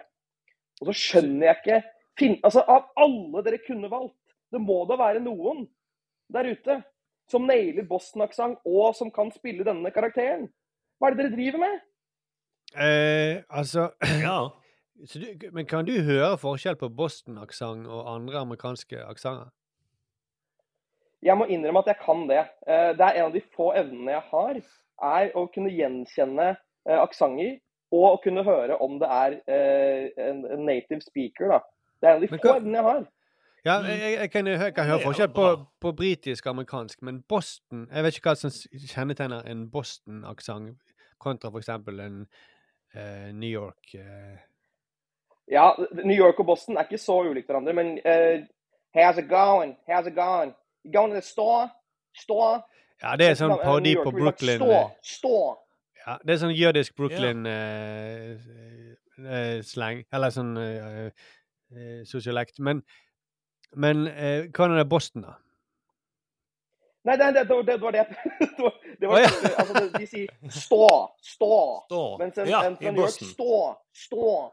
Så det er litt sånn mm, å, mm, å. Men hvem, hvem er lyden? Boston. Ja, OK. Boston. Okay. Boston. Mens en New Yorker ville sagt Boston. Det, Det dette, dette, dette er veldig bra. Jeg må nesten gi Ja, det vil jeg si. applaus. eh. Og Ron, Nei, nei, ja, det er veldig bra. Ron ville jo sagt Hogwarts. Han ville det. Han ville, jo, men jeg er helt Og- enig. Når du først spanderer på masse penger eh, Guillermo Ja. del Toro, som har liksom detaljer for uh, øye for alle detaljer, green screen, og så går de hen og så tar de han skuespilleren. Mm, Det er helt sant. De, Ja. de kunne jo bare funnet en skikkelig skuespiller. Men på 1800-tallet, da det. så, Og, Vet du hvordan Boston-dialekten var på 1800-tallet? Det kan jo være at det var mange briter som kom eh, Det er sant. ja, nå, nå, det er et veldig godt poeng. Men da burde Guillermo del Toro sagt det. Vi skal ta det tilbake til en tid der man ikke kunne si stå em, faktisk Hogwarts, og det ville vært helt natural. Så er det. Da er jeg enig. Jeg er helt enig. Mm. Da er premisset satt. Og, Ja. men det, altså, jeg skjønner jo at det er flisespikkeri å, å klage på en Boston-aksent, dette- men dette handler egentlig generelt om at eh, de to hovedpersonene i denne episoden er begge britiske, og de nailer ikke det å snakke amerikansk i det hele tatt. Nei. Eh, dere kan få høre på et lite klipp her der Ron fra Harry Potter snakker med eh, en annen fyr som spiller en av hovedrollene i The Rings of Power. Begge er britiske. Sånn høres det ut. Sorry, Walter. I know that you thought this might be the one. No, the other side is real. I've seen it. But how am I ever supposed to prove that to the masses? Listen, um, family friend works for Time Magazine. My mom had him around for dinner the other night, and he just he asked me if I'd be interested in a job. He asked me if I'd be interested in a job. Ja, Det han, ikke bra. prøver, å- han prøver å snakke amerikansk, og det er jo veldig eh, pinlig. Ja. Jeg er bare satt ut fremdeles av at du kunne Denne forskjellen mellom New York og Boston Det kan godt være at du bare fant det på, men jeg er likevel veldig imponert. Ja, Jeg er veldig imponert. Jeg kommer alle til å kunne klare å dobbeltsjekke det eller finne ut av det. Men det er sånn, du er veldig imponert. Nei. Altså, hvis dere vil høre altså, den mest tydelige Boston-aksenten, aksenten, eh, så sjekk ut filmen The Departed og se på hvordan Mark Wahlberg snakker. Han er fra Boston, han er fra Sør-Boston, og han har en veldig bred aksent. Og der hører dere veldig tydelig forskjellen på det og f.eks. en New York-aksent. ja. OK. Mm. Ja, Helene, det var jeg eh, Shit. Men, men du, har du vært i Boston noen gang, eller bare vet du at eh, OK? Men du er venn med Nei, Mark jeg har fått mange tips. Nei, ikke venn med Mark Wahlberg, men jeg kjenner Asbjørn Slettemark litt, og han har skrevet en del tips om Boston på Twitter. Ja, Ja, sånn. Mm. Om hvor du skal dra og drikke og spise og sånn. Ja. Mm. Og hvordan du skal uttale bestilling. Ja, for eksempel. Mm. Men så det, det, ja, så det, det var egentlig det store ankepunktet jeg, jeg hadde her. Eh, sånn generelt, jeg vil ikke anbefale folk å se eh, disse, disse filmene. Jeg syns ikke det er bra nok. Mm. Og Guillermo del Toro burde visst bedre enn å knytte navnet sitt til dette. Ja, Jeg han- skjønner. Mm. Så du- tror du han har gjort det bare for pengene? Er det den følelsen du sitter av, at han har sagt vet du hva, jeg har lyst på pengene? Han er, altså, han elsker jo å ha litt overskudd eh, til å kunne kjøpe de tingene han, han har lyst på, selvfølgelig. Så det har nok noe å si her, ja. Men hadde det vært bedre istedenfor at det var en kjendis som introduserte det, at det var eh, vanlige folk som introduserte det? Veldig mye bedre. Mm. Uh, og at de hadde noe trompetmusikk som lå under, sånn at det ble litt mer uh, gripende. Mm, at de du sier sagt- nå skal du få se noe som skjedde med meg for to dager siden. Ja. Mm. Begynte med at tre stykker var inne på soverommet og hvisket ting i ørene til meg. Og så begynte merkelige ting å skje. Eller altså, hvis du hadde vært Hasse, så hadde det vært sånn uh, eh, Ja, nå skal du få forklaringen på hvorfor jeg har så dårlig kne. Jeg kjøpte en krem, skjønner du, som jeg skulle smøre på. Ja. I en flaggermustube. Ja, flaggermustube. Kremen sto det 'smør det på høyre kne', men jeg, i et knapt eh, lite trøtt øyeblikk, smurte det på andre kne. Det skulle det- aldri ha gjort. Det pleide aldri Det pleide å stå på gikk. Ja. Mm. Det pleier å stå på kremmer. Smør denne bare på høyre side. Bare på høyre kne. Ellers vil det gå deg riktig, riktig ille. Ja. Men eh, Det hørtes teit ut når jeg sa det, men legg på en kul musikk, så er vi der. Ja, ja, ja. Men dette, dette var eh, veldig klar eh, veiledning til eh, oss TV-forbrukere. Styr unna denne her. Eh, Ja. Det er ikke, alt er ikke elendig, men eh, episode syv Episode syv Den er helt forferdelig. Mm. Ja, ja, Ja. ja. I hvert fall hvis du har eh, samme nevroser som eh, Boston-nevroser som Hasse, da. Ja, ja. Men det burde egentlig, Hasse, så tenkte jeg du bør kontakte Netflix og spørre om du kan få introdusere introduksjonen til Guillermo del Toro på spesielt episode 7. Ja, med Boston-aksent. Med Boston-aksent. Og så sier at det du skal komme til å se nå, det kommer til å forrykke både ører og sinn. Ja, det er jo skummelt, da. Mm. Ja, ja, ja. Folk fra Boston som snakker engelsk. Mm. Eller britisk. Ja, britisk. OK, men da eh, Da eh, tenker vi lukker denne TV-uken, da. Vi gjør det. Ja. Vi må lukke den.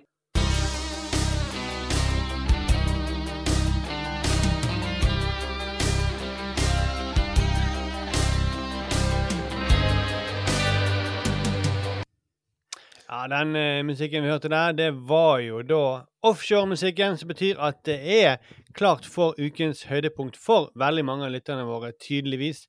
Mm. Flere som har skrevet inn til oss på, i Instagram-innboksen der, eller på vår e-mail og sagt at uh, vi må Dette er ukens høydepunkt fordi. Ja. Eh, og, og hvis du vil nå oss, og ha, så, så må man nesten eh, sende en- Følg oss på sosiale medier, på Gleden med TV-en på Instagram og på Facebook. Eller du kan også skrive en mail til oss, Sturle, på hvilken mailadresse? Gleden.med.tv, altså bokstavene TV, at gmail.com. Ja, og nå er det sånn at Hasse har forlatt oss ja. fordi at uh, han hadde bedre ting å gjøre enn å snakke om offshore. Ja, jeg tror han skal trene opp kneet sitt, så kanskje vi får se. Er det en ny sesong av Kompani Lauritzen, så kanskje han er med. Mm. Men vi kommer til sesong eh, 9, episode 9 i sesong 1 av Offshore. Eh, Sturle vi kom til episode 10. Ops. Ja, ja, ja, men du har jo vært vekke en stund, Markus. Vi er kommet til episode ti, tror jeg Oi. nå. Ja, ja, ja. Så da har jeg sett feil episode, da? Ja, har du det? Eh, nå må vi vet hva, ok, Dette må vi sjekke opp i. Det er jo Dette er spennende. Dette er veldig spennende. Ja, dette er Jeg vil si dette er en cliffhanger fullt på høyde med cliffhangeren fra forrige episode. For jeg, jeg hørte jo eh, forrige episode. Da hadde jeg ikke sett eh, eh, Den episoden som jeg har sett, Mhm. Den slutter jo med Ja, Var det verdens eh, kjedeligste cliffhanger? Si hvordan den sluttet, da.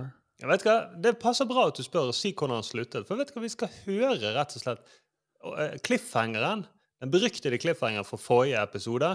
Som mm. ja, Du kan kjenne etter, Markus, om den pirrer noe i deg. Den vekker en eh, følelse du har lyst til å se neste episode igjen. Så Må få litt action her. Du. Ja. Rull ut puppen. Da, da tror jeg jeg har sett riktig episode, Ståle. Ja, ja, ja. Så det, eh, du valgte Dette var fra episode 9, så du valgte vi, å gå videre etter episode 10. Ja. På fordi tross av denne dårlige cliffhangeren.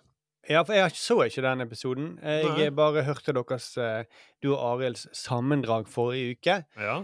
Og tenkte at uh, det kunne være interessant nå å bare prøve å høre handlingsreferatet uten å eh, ha sett på episoden. Og jeg fikk jo ikke lyst til å se episoden når dere snakket om den.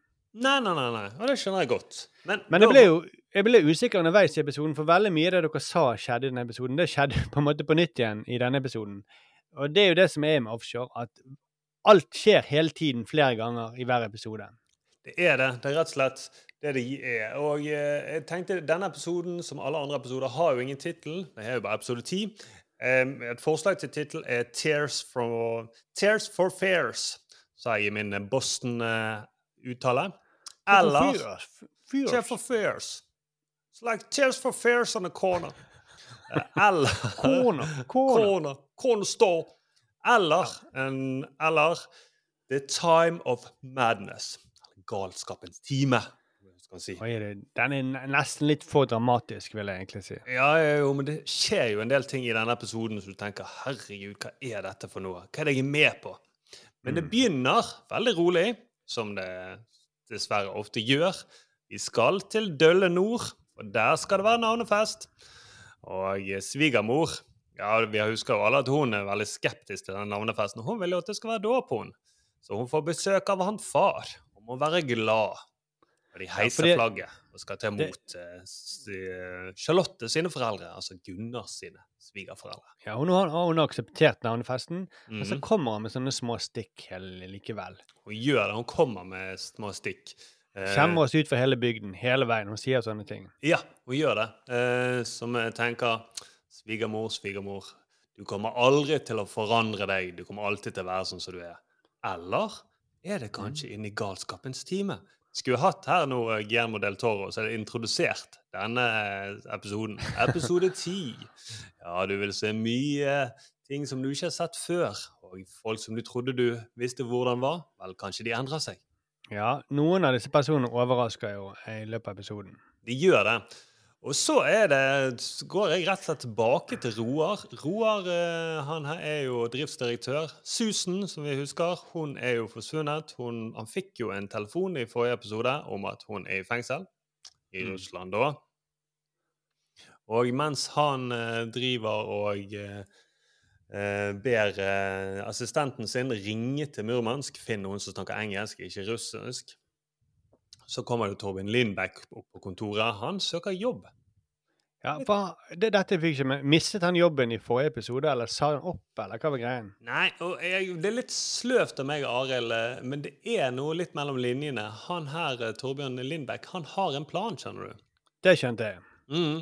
Så han er det at han skal liksom komme seg inn i firmaet. Så han eh, kommer til å si opp jobben sin, det er det han prøver, i dette boredelen av selskapet, og Mm. komme seg nærmere Kanskje rett og slett nærmere Roar. Mm. Men han går inn i Roars firma, for Roar han ansetter bare dette drillingfirmaet. Eller han bare hyrer de på.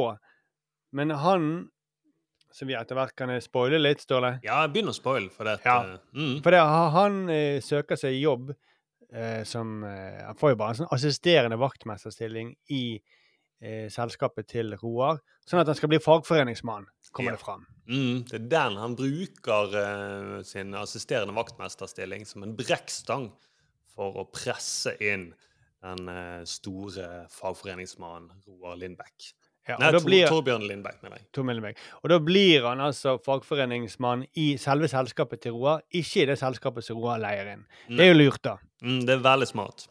Det, dette skjønner ikke Roar. Han bare Ja, ja, du kan få en jobb. Eh, Ja, Mm. ja, ja, det eneste jobben vi har, er assisterende vaktmester. Mm, du får få den jobben, da.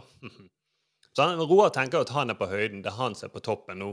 Men jeg eh, full, følger det sporet galskapens eh, time of madness. Fordi at, jeg vet ikke om du legger merke til, Det kommer en del sånne små drypp nå om at denne episoden er riktig vel bevart. Spesielt når eh, Roar driver og tar telefonen og snakker med folk. Eh, så eh, har det de på spiker Er det noe som skurrer? Du skulle nesten tro at ja, han snakker med noen som er i en parallell dimensjon. La oss høre veldig godt etter. Kari, Ja? kan du prøve murmansk igjen? Politi Murmansk? Og prøv å finne noen som snakker noe annet enn russisk denne gangen, hva? Ja, det er greit. Geir? Ja? Hvordan er det med ledige stillinger for øyeblikket? Ikke fett, akkurat. Jeg trenger et litt mer presist svar. Skal vi se på dataen. En vaktmesterjobb? Nei, feil. Assisterende vaktmester. Det er faktisk alt. Det høres ikke ut som de er på speaker i det hele tatt. Det høres ut som de sitter inni en dykkerklokke eller et eller annet. Ja. Og det har nok noe med å gjøre Enten så er det bevisst for regissøren, han vil eh, skape en litt sånn utrygg stemning, eller så er det bare late lydarbeidere som eh, tenker nei, nei, nei, det der gjør vi i post. Det er ikke noe poeng at hun sitter i naborommet og ringer inn til Roar, sånn at vi får autentisk telefonlyd. Vi bare putter eh, en båndopptaker ned i en dykkerklokke, og så sier hun og han her eh, fyren sine replikker som om de egentlig ikke snakker med noe. Ja, det, nok, det som nok har skjedd, er at de har forsøkt å legge effekt på uh, disse lydene, og så ja, Vi hører ikke hva de sier, så vi må bare la, vi må bare ta nesten vanlig lyd og så bare ha litt sånn romklang på. Fordi i de tidligere episodene så har de gjort noe annet. Da har de jo bare tatt lyden veldig lavt. Ja, når de snakker telefon. Og Mm. da er det sånn at du nesten Fordi at disse episodene er tekstet nå, da, nå som det ligger ute på nett, så forstår vi jo hva de sier. Men eh, hvis du hadde sett det på TV på 90-tallet, hvor det ikke var tekstet eh, normalt, så ville det vært vanskelig å høre hva de sa. Ja. Mm. Og, men- samtidig var på 90-tallet så var det mer vanlig å eh, være inni sånne, sånne metallklokker. Når du snakker på spiker, ja. Ja, nå må du spiker. Vent litt, jeg må bare gå inn i den metallklokken fordi at han skal sette meg på spiker, skjønner du. Det kan være det sto i en telefonkiosk, da, som var på en måte en slags uh, metallklokke. Ja, ja, ja, at hun, eh, hun skyndte seg å løpe ut fra kontoret. Hun holder jo til bare i nabokontoret. Løp hun ned i en telefonkiosk med litt metallyder rundt. Jeg likte også den uh, detaljen han sier 'Jeg må bare se på dataen'. Ja. Mm. Bare for å markere at eh, jeg skal ikke se i noen bøker eller noen sånn gammeldags uh, ringpermer. Jeg skal se på dataen. Ja. Han burde sagt 'vent litt, jeg skal bare se på en dataskjerm her'. Mm, som jeg har rett foran meg. Og, en dyr dataskjerm. Og så Unnskyld. Ehm, la meg drikke litt vann. Der har vi hatt har den episoden blitt uh, Jeg tror episoden har påvirket meg. Jeg har så gyselig vondt i brystet mitt. Det er en frampeik. Frampeik, ja. Ja, ja, ja. Men det jeg skal bare si, er jo at uh, mer mystisk, skjønner du Han uh, Torbjørn er jo hos Roar og sier OK, men jeg tar et takke med den her uh, assisterende vaktmesterstillingen. Hmm. På vei ut så kommer det kalde gufset fra fortiden. Vi må litt innom deres mystiske fortid. Lindbekk? Mm. Ja, det må jeg si. Jeg glad jo like før. Dette ga jo ingen mening. Jeg vil si at, eh, jo, fordi at mens eh, Torbjørn er der, så blir eh, han her Roar Han blir jo selvfølgelig oppringt av Susan. Hun Fra sier Fra Murmansk. Fra Murmansk. Jeg er i live, men eh, for å komme ut av fengselet må du betale en høy bot. Ja, ja, penger er ikke noe problem. Og så legges det på. Eller de blir faktisk brutt. Jeg tror russerne sier nei, avtalen var at du skulle snakke med henne på spiker. For hun er ikke på spiker. Hun er ikke på spiker i det hele tatt. Eh, der har han sluttet med det. Så eh, han tar telefonen på vanlig måte. Han blir jo litt brydd da, når han ser at Torbjørn får med seg litt av dette. På veien ut så eh, ber jo han Torbjørn ikke respektere at det var en privat samtale. Og det er da det enda mystiske kommer opp fra fortiden. Lindbekk. Mm? Dette du nettopp overhørte, det var en privat samtale. Ja, jeg vil helst at du ikke Ja, du vet da hvordan døtre er, Lindbekk. Gjør jeg? Ja, du fikk da en datter selv i sin tid.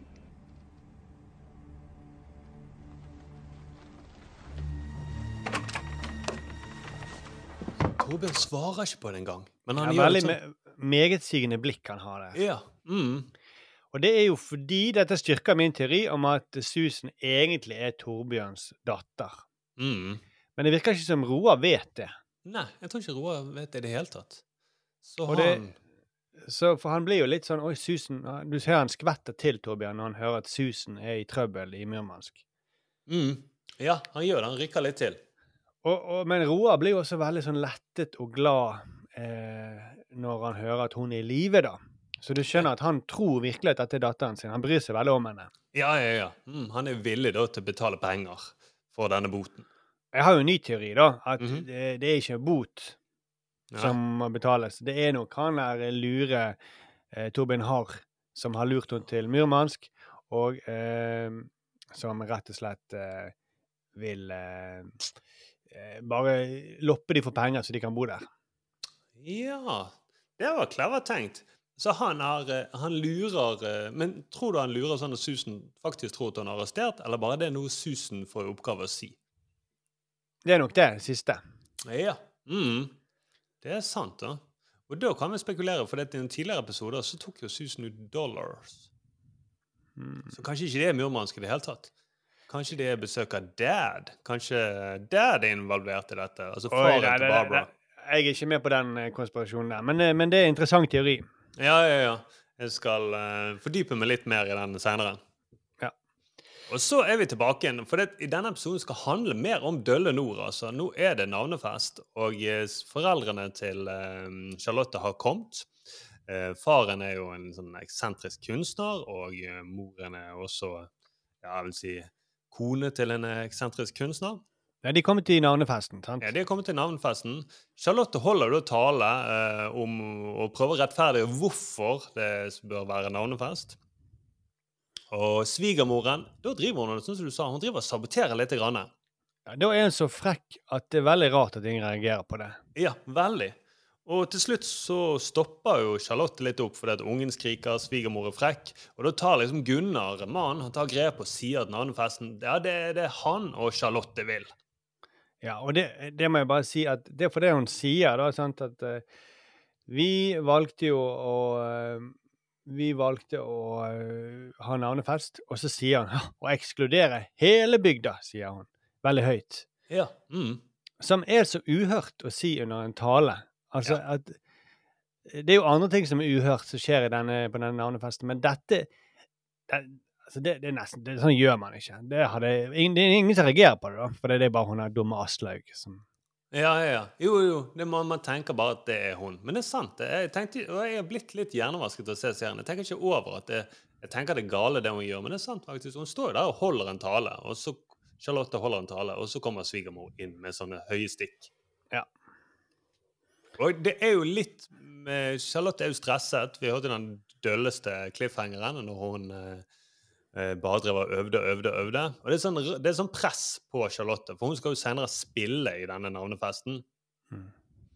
Og eh, det som er litt sånn skummelt, er at når du hører de driver og snakker om hendene til babyen, så tar hun her eh, mammaen og smetter inn en kommentar som øker presset enda mer på eh, stakkars Charlotte. Han har arva nevene etter deg, Ola. Flotte små arbeidsnever er det. Ja, pianofingre er det ikke. Og du skjønner nå, Markus, hvorfor det heller mer mot eh, galskapens time? Dette Ja. er typisk sånn gale damer snakker på den måten. Ja, og det, du skjønner vel også at uh, uh, dette talentet, pianotalentet det, i familien eh, Berg, det dør ut med Charlotte, da. Ja, det kommer til å gjøre det. Ja, for hun er, den siste, hun er den siste som kan forvalte dette. I og med at han Ola har bare sånne tjukke arbeidsfingre. Ja, så han burde kanskje spilt uh, enten trommer, tenker jeg, eller noe sånt. og det bygger jo videre opp. De skal jo feste, uh, og det og før Charlotte skal spille, så er det veldig rart. Da spiller faren, som er den eh, pianisten som han er, og da selvfølgelig moren. Og det er nå jeg føler at vi begynner å bevege oss mer og mer mot eh, retning av et annet univers. Jeg skal si hvilket univers etter hvert. Du kan bare høre litt, for nå begynner de å bli mer med gal oppe i nord. Nei, slike fine bær, og deg som det bare kryr av. Nei, maken jeg hev ikke sett, som godt her er da til kveld. Det feil. Hysjen kom fra faren som spilte piano. Charlotte drev og pratet litt med Gunnar. og Hun har jo nervene utenpå seg sjøl. Så driver han og hysjer på dem. Ja, og det, det må jeg også si at uh, for, Det som forsterker inntrykket av galskapens time, er jo at han er faren til Charlotte. Han spiller som Helge Reis, Mm. som uh, jeg kjenner best som professor Drøvel i eh, eh, Brødrene Dal. Der han er fra. For, det var, for meg var det sånn her, her er det en veldig kjent person, men jeg klarer ikke å plassere han noen sted. Han er jo en gal professor der, professor Mm. Drøvel. Ja. Veldig tullete og rar. Mm. Og så jeg, at, Det er litt sånn samme som vi snakket om tidligere i sendingen, at uh, den, han er jo litt ødelagt av den Brødrene Dal. Her skal han spille en seriøs uh, kunstner, men jeg tenker bare på han som en gal professor. Ja, jo, jo, jo. Ja, for du tenker han som en gal person. Han, det han, spiller litt, han spiller litt sånn tegneseriegal. Han kunne spilt i norsk versjon. Hvis vi satte opp uh, Back to the Future på um, teatret, så kunne han spilt uh, han uh, pro- professoren. Doc, ja. Mm. ja. Jo, det er sant. Han er litt der. Og eh, det er nå jeg føler at nord blir dratt inn i et slags ormehull. De slynges rundt, og så blir de spyttet ut i eh, universet, også kjent som norsk fjernsynsteater. De forlater vårt univers, nå går de inn i et annet parallelt forferdelig univers. For nå er det nå det topper seg eh, delvis i nord.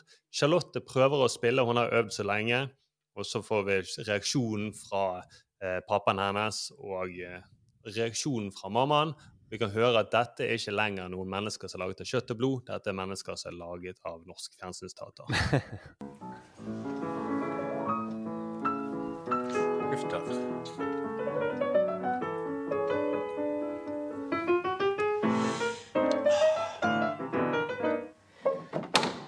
Bravo. Det var kjempefint. Bravo. Er det slutt, da? Kjære Charlotte, du har jo ikke spilt ferdig. Nei, men ta det en gang til. Det går sikkert bedre, da. Charlotte. Måtte du være så demonstrativ, da, Carl. Jeg var ikke demonstrativ. Jeg kom bare med et lite sukk. Carl. Ja, men hva skal jeg gjøre, da? Ingenting stemmer. Både anslag, tempi, modulasjon. Men meninga var da god. Ja, det holder ikke for en kunstner. Ja, jeg må beklage så meget, men jeg kunne ikke ane at hennes pianospill hadde forfalt til de grader. Det Føler nesten som vi ser på en, en scene som ble vist på videregående skole, da de viser f.eks. et dukkehjem til Ibsen. Mm, ja.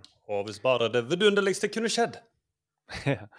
Eh, ja, han, eh, det var veldig teatralsk eh, med en gang, de to. De ser jo ut som De skal liksom være sånne teaterfolk også. Ja. Og kledd litt i sånne fjollete kostymer.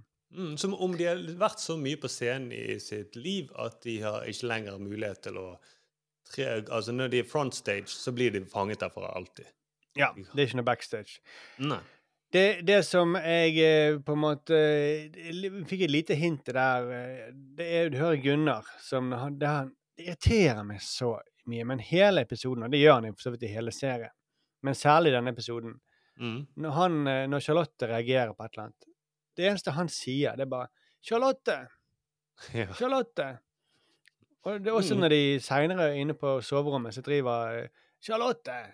Han sier ingenting. Han bare, bare roper navnet hennes etter henne når hun går ut av rommet eller hun blir sur. Mm, det, er jo, det er jo kan være sant. Jeg tolker det som at Gunnar da har fått et drypp eller et eller annet. Ja. Han vet ikke lenger, han finner ikke ordene, han vet ikke hva han skal si, men han husker sin eh, kjæreste, så han bare sier navnet om igjen og om igjen. Litt som i for eksempel i den her eh, Game of Thrones, med han der eh, ene bikarakteren som sier hele tiden 'Hodor', 'Hodor'. Og han ble jo da gal, og det var en forkortelse for 'Hold that door'. Ja. Har jeg faktisk hørt om, selv om jeg ikke har sett det. Ja, mm, eller 'Hold the door'. Ja, jo. Og Charlotte da stormer ut av stuen. Interessant er at svigermoren, som vi tenkte stygge ting om i begynnelsen, hun tar liksom Charlotte i forsvar her. Ja. Ja, det plutselig skjer det et eller annet. Så det betyr jo at universet er ikke riktig vel bevart.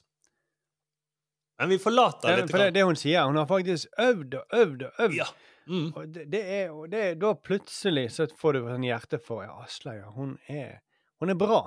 Ja. Mm. ja, hun er det. Hun er liksom bra. Hun har noe bra i seg, både hun og svigerfaren. Svigerfaren i begynnelsen tenkte jo at han også var litt kjip, men han viste jo seg at å være litt grei når han faktisk saget i stykker huset for at de skulle få inn dette flygelet. Mm. Men for svigermor så satt det langt inne. Vi kan jo ta med videre at Charlotte løper opp på eh, sitt eh, rom sammen med babyen, og så gråter hun veldig mye. Moren banker på utenfor og sier at du, eh, nå eh, sier pappa at han har lyst til å be om unnskyldning. Strengt tatt er det vel egentlig at nå er pappaen klar for å ta imot Charlotte sin unnskyldning. Mm. Charlotte er jo Jeg tror hun har blitt litt nesten på en måte, jeg vil ikke si misbrukt, men det er noe sånn overgrep mot henne fra faren. Han har knukket henne, da. Ja, og hun blir veldig sånn 'Å, pappa er så følsom, stakkar han. Mm. Eh, jeg må gå ned og si unnskyld.' Men da går Gunnar ned istedenfor og sier eh, Ber de pakke sammen sakene sine og dra til helvete, og ønsker de god tur der. Ja, dra til helvete og bli det til dere har tenkt dere om, var det han sa? Eller, Ja. noe- ja. Og så god Og- tur. God tur. Og så går han opp, og så blir hun 'Her har du sagt det'. Uh, og da holder han henne fast. Han nekter å slippe Ah. ut av rommet Mm. og bare roper 'Charlotte! Charlotte! Ja. Charlotte!' Mm. Han er som en gal mann, vil jeg si. Ja, sperrer han inne på rommet og sier 'Jeg er din mann, og her er babyen din'. Mm. Ja. Så liksom, her du hører til. Mm. Og da roer han seg av en eller annen merkelig grunn. Ja, jeg tror det på en måte Hun finner vel da kanskje type menn som ikke behandler henne så bra, på en måte. ja, og kanskje hun uh, skjønner at jeg må snakke mektig, de mektige mennene etter munnen. Ja. Her Mm. hjelper ikke å protestere, for da banker han meg. Ja, sant? Hun kommer til å si det. Åh, Gunnar, han er så følsom. Han er så følsom når bare roper 'Charlotte! Charlotte! Charlotte!' Ja. Så det er nok egentlig det er, fra, det er nok ment som en veldig fin scene at han Nå er det nok. Mm. Du må huske på at uh, barna dine driter i han uh, kjipe pappaen din. Ja. Du har en uh, annen spesiell mann å forholde deg til nå. Ja. Og vent til babyen våkner opp, så, eller vokser opp, så har du to stykker. OK, det var ferdig med den kjedelige navnet... Ja, ferdig med de, heldigvis. Vi må jo litt innom Mette og Steinar. Ja. Eh, så, og nå, nå jeg tenker at du kanskje tror du har sett samme episode. For det, forrige episode så hiver jo Steinar og Mette ut av bilen og sier vet du hva, nå er det ferdig. Ja, det var det jeg hørte, og da tenkte jeg Og det skjer jo denne gangen. Han, han gjør det slutt med henne. Ja, han gjør det slutt med henne nå, og nå sier han nå skal du få pengene tilbake. Som hun Mette burde bare sagt «Ja, men det sa du til meg eh, eh, for en uke siden. Eller eh, egentlig i forrige episode. Mm, Hun tar det da tungt. Så er Dagny, som jeg tenker For her kommer litt spesielt. Dagny, hun som er, liksom driver hele kantinen, hun er jo litt eh, Jeg tenker at hun har alltid vært litt off. Hun, hun har jo fått med seg at Mette har hatt Eller har et forhold til Steinar. Og hvis ikke hun stopper med det, så kommer Dagny til å ringe til Hanne. Mm. Som er da konen til Steinar. Ja. Hun, eh, hvordan kan det stå i med en eh, gift mann og sånt? Ja. Mm. Så da tenker jeg Shit, stakkar Mette. Hadde det bare vært Svein, den koselige medarbeideren, hadde bare han vært her i denne episoden. Men det er han ikke. Så hun får lide litt. Grann. Ja. Eh, så så det, det er jo veldig trist for Mette, da. eh, Igjen. Hun blir jo Mm. stadig skuffet av uh, Steinar. Ja. Og nå, har hun kjærlighetssorg. Ja, nå har hun kjærlighetssorg. Nå har hun ikke bra i det hele tatt. Og uh, spørsmålet er jo ja, Kanskje hun får trøsten av Dagny, da. Men Dagny sjøl er jo fortsatt på flørteren. Hun var jo på Lido kafé med eh, han her eh, plattformsjefen. Og eh, hun jeg merker at hun har fått veldig sterke følelser for han. Spesielt når han får litt eh, vondt i brystet sitt. For det som skjer, er at hun er på kjølerommet, og han kommer kommer inn, og så har han sånn flørtende blikk, nesten som han sier liksom, 'Kan jeg få ta det på puppene?' Han gjør ikke det. Ja. Nei, nei, nei. Han sier eh, 'Kan jeg få litt marsipankake?' Mm. Har du med fra marsipankaken fra i går? Og så gir hun 'Å, du, altså, din frekking', og så tar hun litt marsipankake til han, og da får han et eller annet sånn illebefinnende. Han får vondt i brystet. Ja. Mm. Eh, som virker som eh, hun ble litt sjarmert av at han holder på å dø. Eh, gjør. Hun følger han inn på lugaren, og da fortsetter han å flørte når han ligger der og er egentlig i ferd med å få hjerteinfarkt, det skjønner vi jo, men han vil ikke Ja. sjekke opp i det. Det går bra, går over etter en stund. Ja, jeg bare spiser mer eh, marsipan. Og har du noe ren baconfett så jeg kan putte oppi blodårene mine? Vært Jeg skjønner gøy. ikke altså De gjør veldig mye ut av nummer ut denne flørten her. Og den er jo veldig kjedelig. Han er veldig Eh, kjedelig. Det er ikke sånn at Oi, de to blir sammen, eller det er noe rart, eller eh, det, det, det er bare liksom rett fram. Det er, ikke, det er ingen motstand her. De, de bare blir eh, Det går veldig sakte, da. Det gjør det jo. Ja. Han driver og kysser henne på kinnet og tar henne med på lugaren for å spille skrable, som han sier. Skrable, som du sier. Og det tenker jeg nå må du iallfall tenke at ok, nå har han et drypp når han driver og sier skrable, skrable hele tiden. Ja, Ikke si scrabble.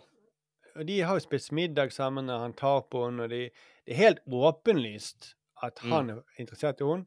Hun gjør ingen liksom sånn mine til å si 'vent litt, vent litt', uh, Nei, nei, nei. gå for. Hun aksepterer alle hans uh, uh, Alle hans forsøk på å liksom nærme seg henne.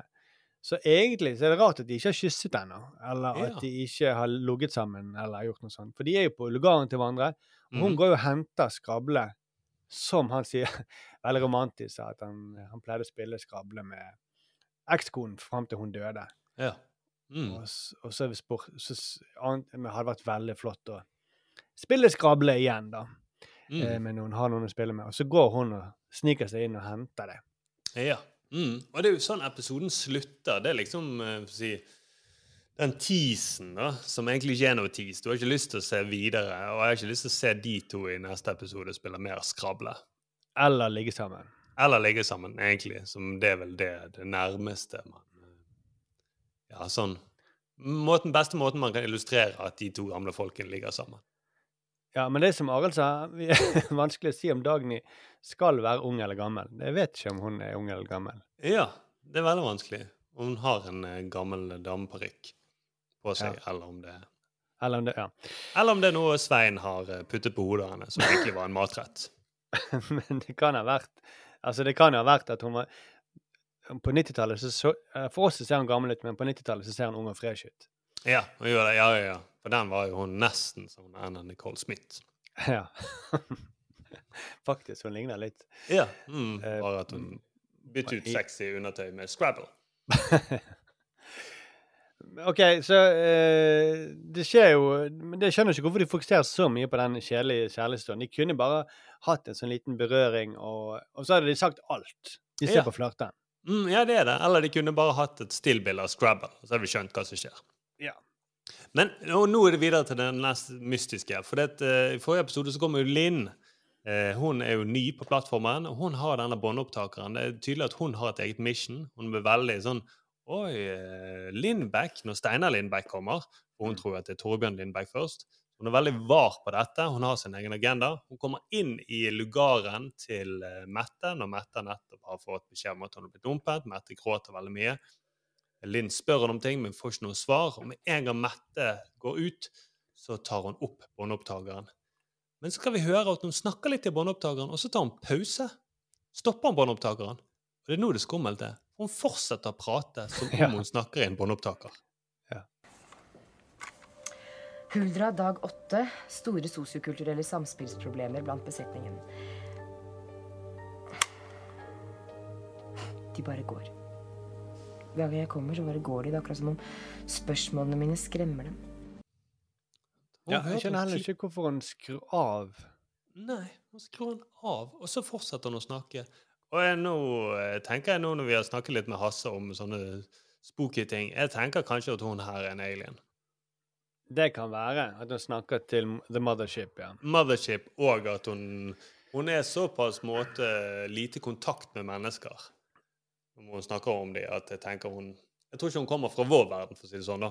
Ikke nødvendigvis hun kommer fra en annen planet. Det kan være at hun kommer fra et annet univers. Det vet jo ikke vi. Men det høres ut som hun er forsker fra en annen verden. En sosiolog eller antropolog eller et eller annet sånt. som- Ja, stemmer. Mm. For hun snakker om sosiokulturelle konflikter. Ja. Ja. Så det er- nok noen som har skrevet dette, som har sosiologi eh, grunnfag eller et eller annet sånt. Mm. Ja, så, så slenger hun inn et eller annet sånt. Burde jo advart meg mot dette. ja. Og fortsette. ja, så det, hun, hun er veldig mystisk. Hun er veldig mystisk, og uh, igjen så mener jeg nesten at det burde vært hun som i, burde, være, burde være i cliffhangeren. Ja. Men det er det ikke. Det slutter da, som vi nevnte, Dagny med denne skrable under armen banker på hos plattformsjefen.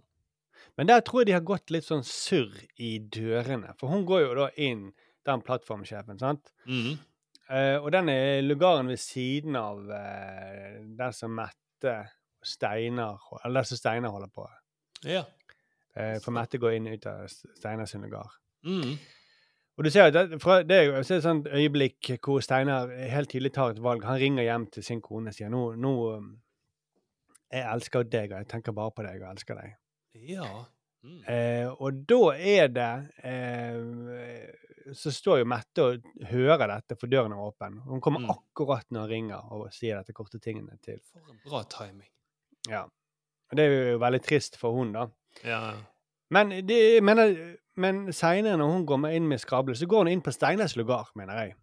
ja, det er sant. Det er den samme location.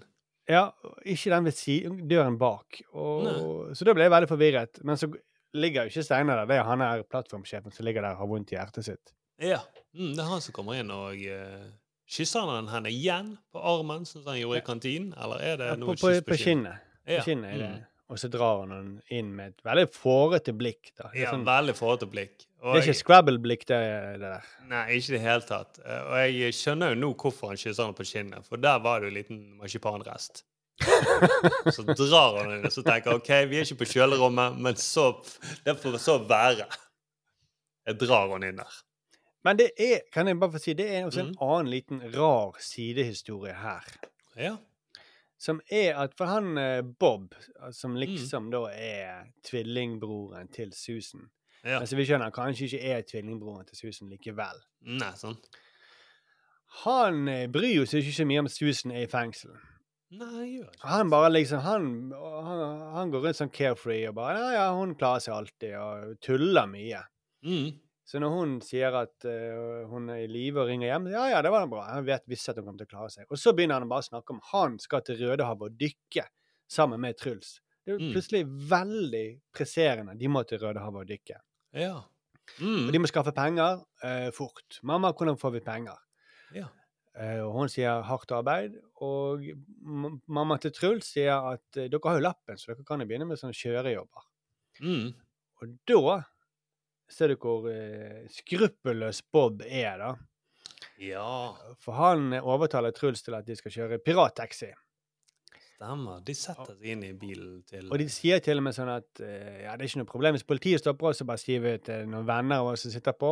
Ja, ja, selvfølgelig, ikke noe problem, sier Truls. Og hvis det er noen som glemmer igjen noen penger i baksetet, så ja, da har ikke vi noe ansvar for det, da. Ja, det er sant. Da blir han plutselig eh, Ikke bare at han er litt sånn eh, OK, vi kjører pirattaxi, men da blir han plutselig nesten på grensen til å bli litt sånn kriminell. Ja. Sånn skurkete. Mm. Ja, da er han, du skjønner, ok, han her skyr ingen midler for å nå toppen. Nei, sant. Han her er Han må jo være barn av eh, Barbara og dad, føler jeg. Ja, og du skjønner vel også, vi som har eh, blitt lurt av NRKs nettspiller og begynt å se sesong tre, Mm. men vi egentlig vil se sesong én, mange ganger. Jeg gjør dette. Senest nå, da, så skulle jeg inn og Mhm. se episode ni, eller ti, eh, og da kom det episode ti i eh, sesong tre. Da ser du jo Bob er jo høyt oppe i systemet. her. Ja, sant. Mm. Han er jo en eh, Han har allerede manøvrert seg opp til toppen nesten av eh, Northwest Oil. Ja, sant. For det som skjedde i sesong to, var jo at uh, de kjørte de pirattaxi. Noen fra Northwest Oil mistet adgangskortet sitt i baksetet. Bob tar det, og da begynner han å kunne låse seg inn på kontor høyt, høyt oppe i bygningen. Det vil jeg anta skjer. Ja. En spoiler. En spoiler. Men det var da episode eh, ti av eh, Offshore sesong én. Mm. Ja. Eh, Galskapens time. Gal- Galskapens tid, kanskje, det er egentlig. Ja, time er bra, altså. For Ja, det, det, er nok tilbake til det samme gamle i neste episode, med skip Aslaug og Det er ikke noe sne lenger. Nei, nei, nei. Og, eh, så, eh, men jeg tror nok Gunnar kommer til å fortsette å rope 'Charlotte!' Ja, Charlotte. Så OK, vi lukker den episoden. Ferdig med offshore for i dag. Vi lukker den med den kuleste rockegitarsoloen som noen gang har blitt spilt. Ja.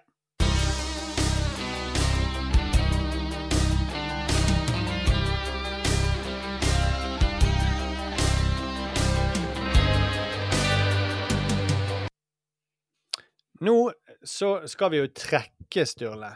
Ja. Nå, eh, jeg kan jo ikke være med i neste episode, tror jeg. Det er ikke Nei. Så, Så- da er det vel bare meg, da. Ja, men nå, nå skal jo Arild og Thomas være med i neste episode, så da får ja, vi de skal jo strengt tatt det, da. Ja, så vi, vi, vi tar det med på listen. Mm. Eh, Men hva skal vi se? Jeg foreslår X on the Beach, Ståle. Sturle. OK. Greit. Ja. Nå er vi inne i sesong Hvor lang sesong er vi inne i nå, da? Skal vi se. Sesong eh, Seks, faktisk. Herregud. Shit. så langt.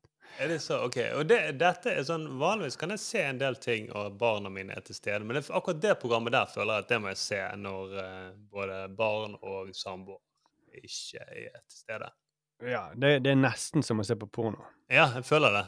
Uh, tar seg Eh. ikke ut. OK, nå skriver jeg ned tre navn med, fra én til tre. Mhm. Og så, Sturle, så må du eh, si én, to eller tre. OK. Da sier jeg eh, to. Det blir Arild. Ja, det Arild? Men han, han liker jo sant. Han Han, liker han liker porno. Ja, han gjør det. Phew. Ja, det var veldig oh, det er bra. Og dessuten, hvis han må se det når sønnen er til stede, så er jo sønnen bare et år, eller noe sånt, så han vil ikke skjønne noen ting. Nei, han vil ikke reagere på pappaen runker, så det går Nei, bra. han vil synes det er bare en morsom bevegelse. Men eh, jeg- vil gjerne komme med en, en liten anbefaling. Jeg skulle gjerne ønske jeg kunne snakket om denne i denne episoden. Fordi jeg har sett eh, første episode av Kalles gale verden. Ja. Og det er så gøy og rart og eh, Ellevilt er ordet jeg sjelden bruker, men jeg Ja. vil faktisk ta det fram nå. Ja, Og- og det og nysk- ordet, skal man si, ordet ellevilt har blitt ødelagt mye i Bergen av eh, begrepet elleville dager, så det var sånn salg på Arken senter. Stemmer det. Mm. Men eh, så jeg, jeg eh, Men siden han er fra Bergen, så velger jeg å gi det et eh, Heller at det skal knyttes til han enn til arken. Ja, selv om de hadde bra eh, billige bukser der. Li-bukser. ja. Elleville priser. Eller ville priser. Men ja, nei, nei, vi må knytte dette- til Kalle. Jeg er helt enig. Ja. Og, og programmet er så gøy og nyskapende at jeg tenker det kunne vært veldig vanskelig å selge inn til f.eks. NRK, da, med sin Mm. nye strategi om å eh, ikke slippe til nyskapende og gøye ting. Så jeg. Nei, det, det, det lurer jeg på. Dette tror jeg ikke, ikke kunne gått på NRK. Og det er veldig bra at uh, Discovery Pluss, eller Discovery, gir sjanse til et sånt program, fordi det er det er blanding av drama og skjult kamera. Uh, på en veldig sånn rar tulledrama. Eh, Ramme rundt eh, disse skjult kamera-sketsjene. Og det er Mm. liksom i framtiden, og det er Kalle Så kult. Helle- Kalle Hellemann Larsen er Norges største TV-stjerne. Han har laget ni sesonger av et skjult kameraprogram. Han har, bor i et sånt slott og har sammen med en fransk fyr Ja. Snak, Halvparten av eh, dialogen er på fransk, da, fordi de krangler på fransk. og de, Ja. Han blir sur for 'Kommer du ikke hjem til middagen? Du er bare ute og lager skjult kamera hele dagen'. Det, det er veldig rart. Og så får du se de ekte skjult kamera-tingene han gjør. Ja, han. Høydepunktet mitt er liksom at han sier sånn Å, jeg hadde en morsom drøm i natt. Og så får du se sånn klipp fra at han Ja, jeg gikk inn på en kaffebar, og så skulle jeg bestille kaffe, og så plutselig kunne jeg ikke prate. Og så ser du da skjult kamera at han går inn på en kaffebar, og så plutselig så klarer han ikke å prate. Så det er Ja, jeg vil ikke si at det er genialt, men det er veldig sånn Ellevilt. Ellevilt. Hemningsløst, da. Ja, hemmelig. Jeg merker jeg har veldig lyst til å se dette programmet. Det er ikke ofte jeg har lyst. Jeg vet ikke helt hvorfor. Jeg liker jo egentlig humor, men noen ganger så føler jeg ikke for å se det i det hele tatt. Men Ja, du dette tenker program Du, du er morsommere sjøl, tenker du?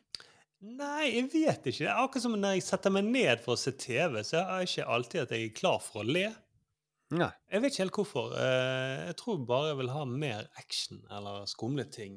Men um, dette merker jeg at jeg har, dette har jeg veldig lyst til å se. Ja, det må du se. Mm. Det er veldig gøy. Vi eh, må videre i livet. Vi eh, eh, høres neste uke. Da er jeg ikke sikker på om jeg kan være med. Nei. Men eh, Arild og Thomas er med. Kanskje en vikar. Ja, ja, ja. Kanskje vikar. Vi får se. Mm. Det er spennende. Vi takker Hasse Hope for at han delte med sin eh, dialektkunnskap med oss. Ja.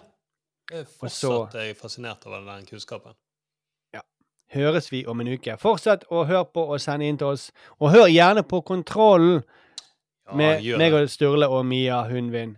Det er en ny storsatsing av eh, Manifest Media, og det er satire. Ren satire rett i øret hver uke. Ja, gjør det. Ha det bra! Ha det bra!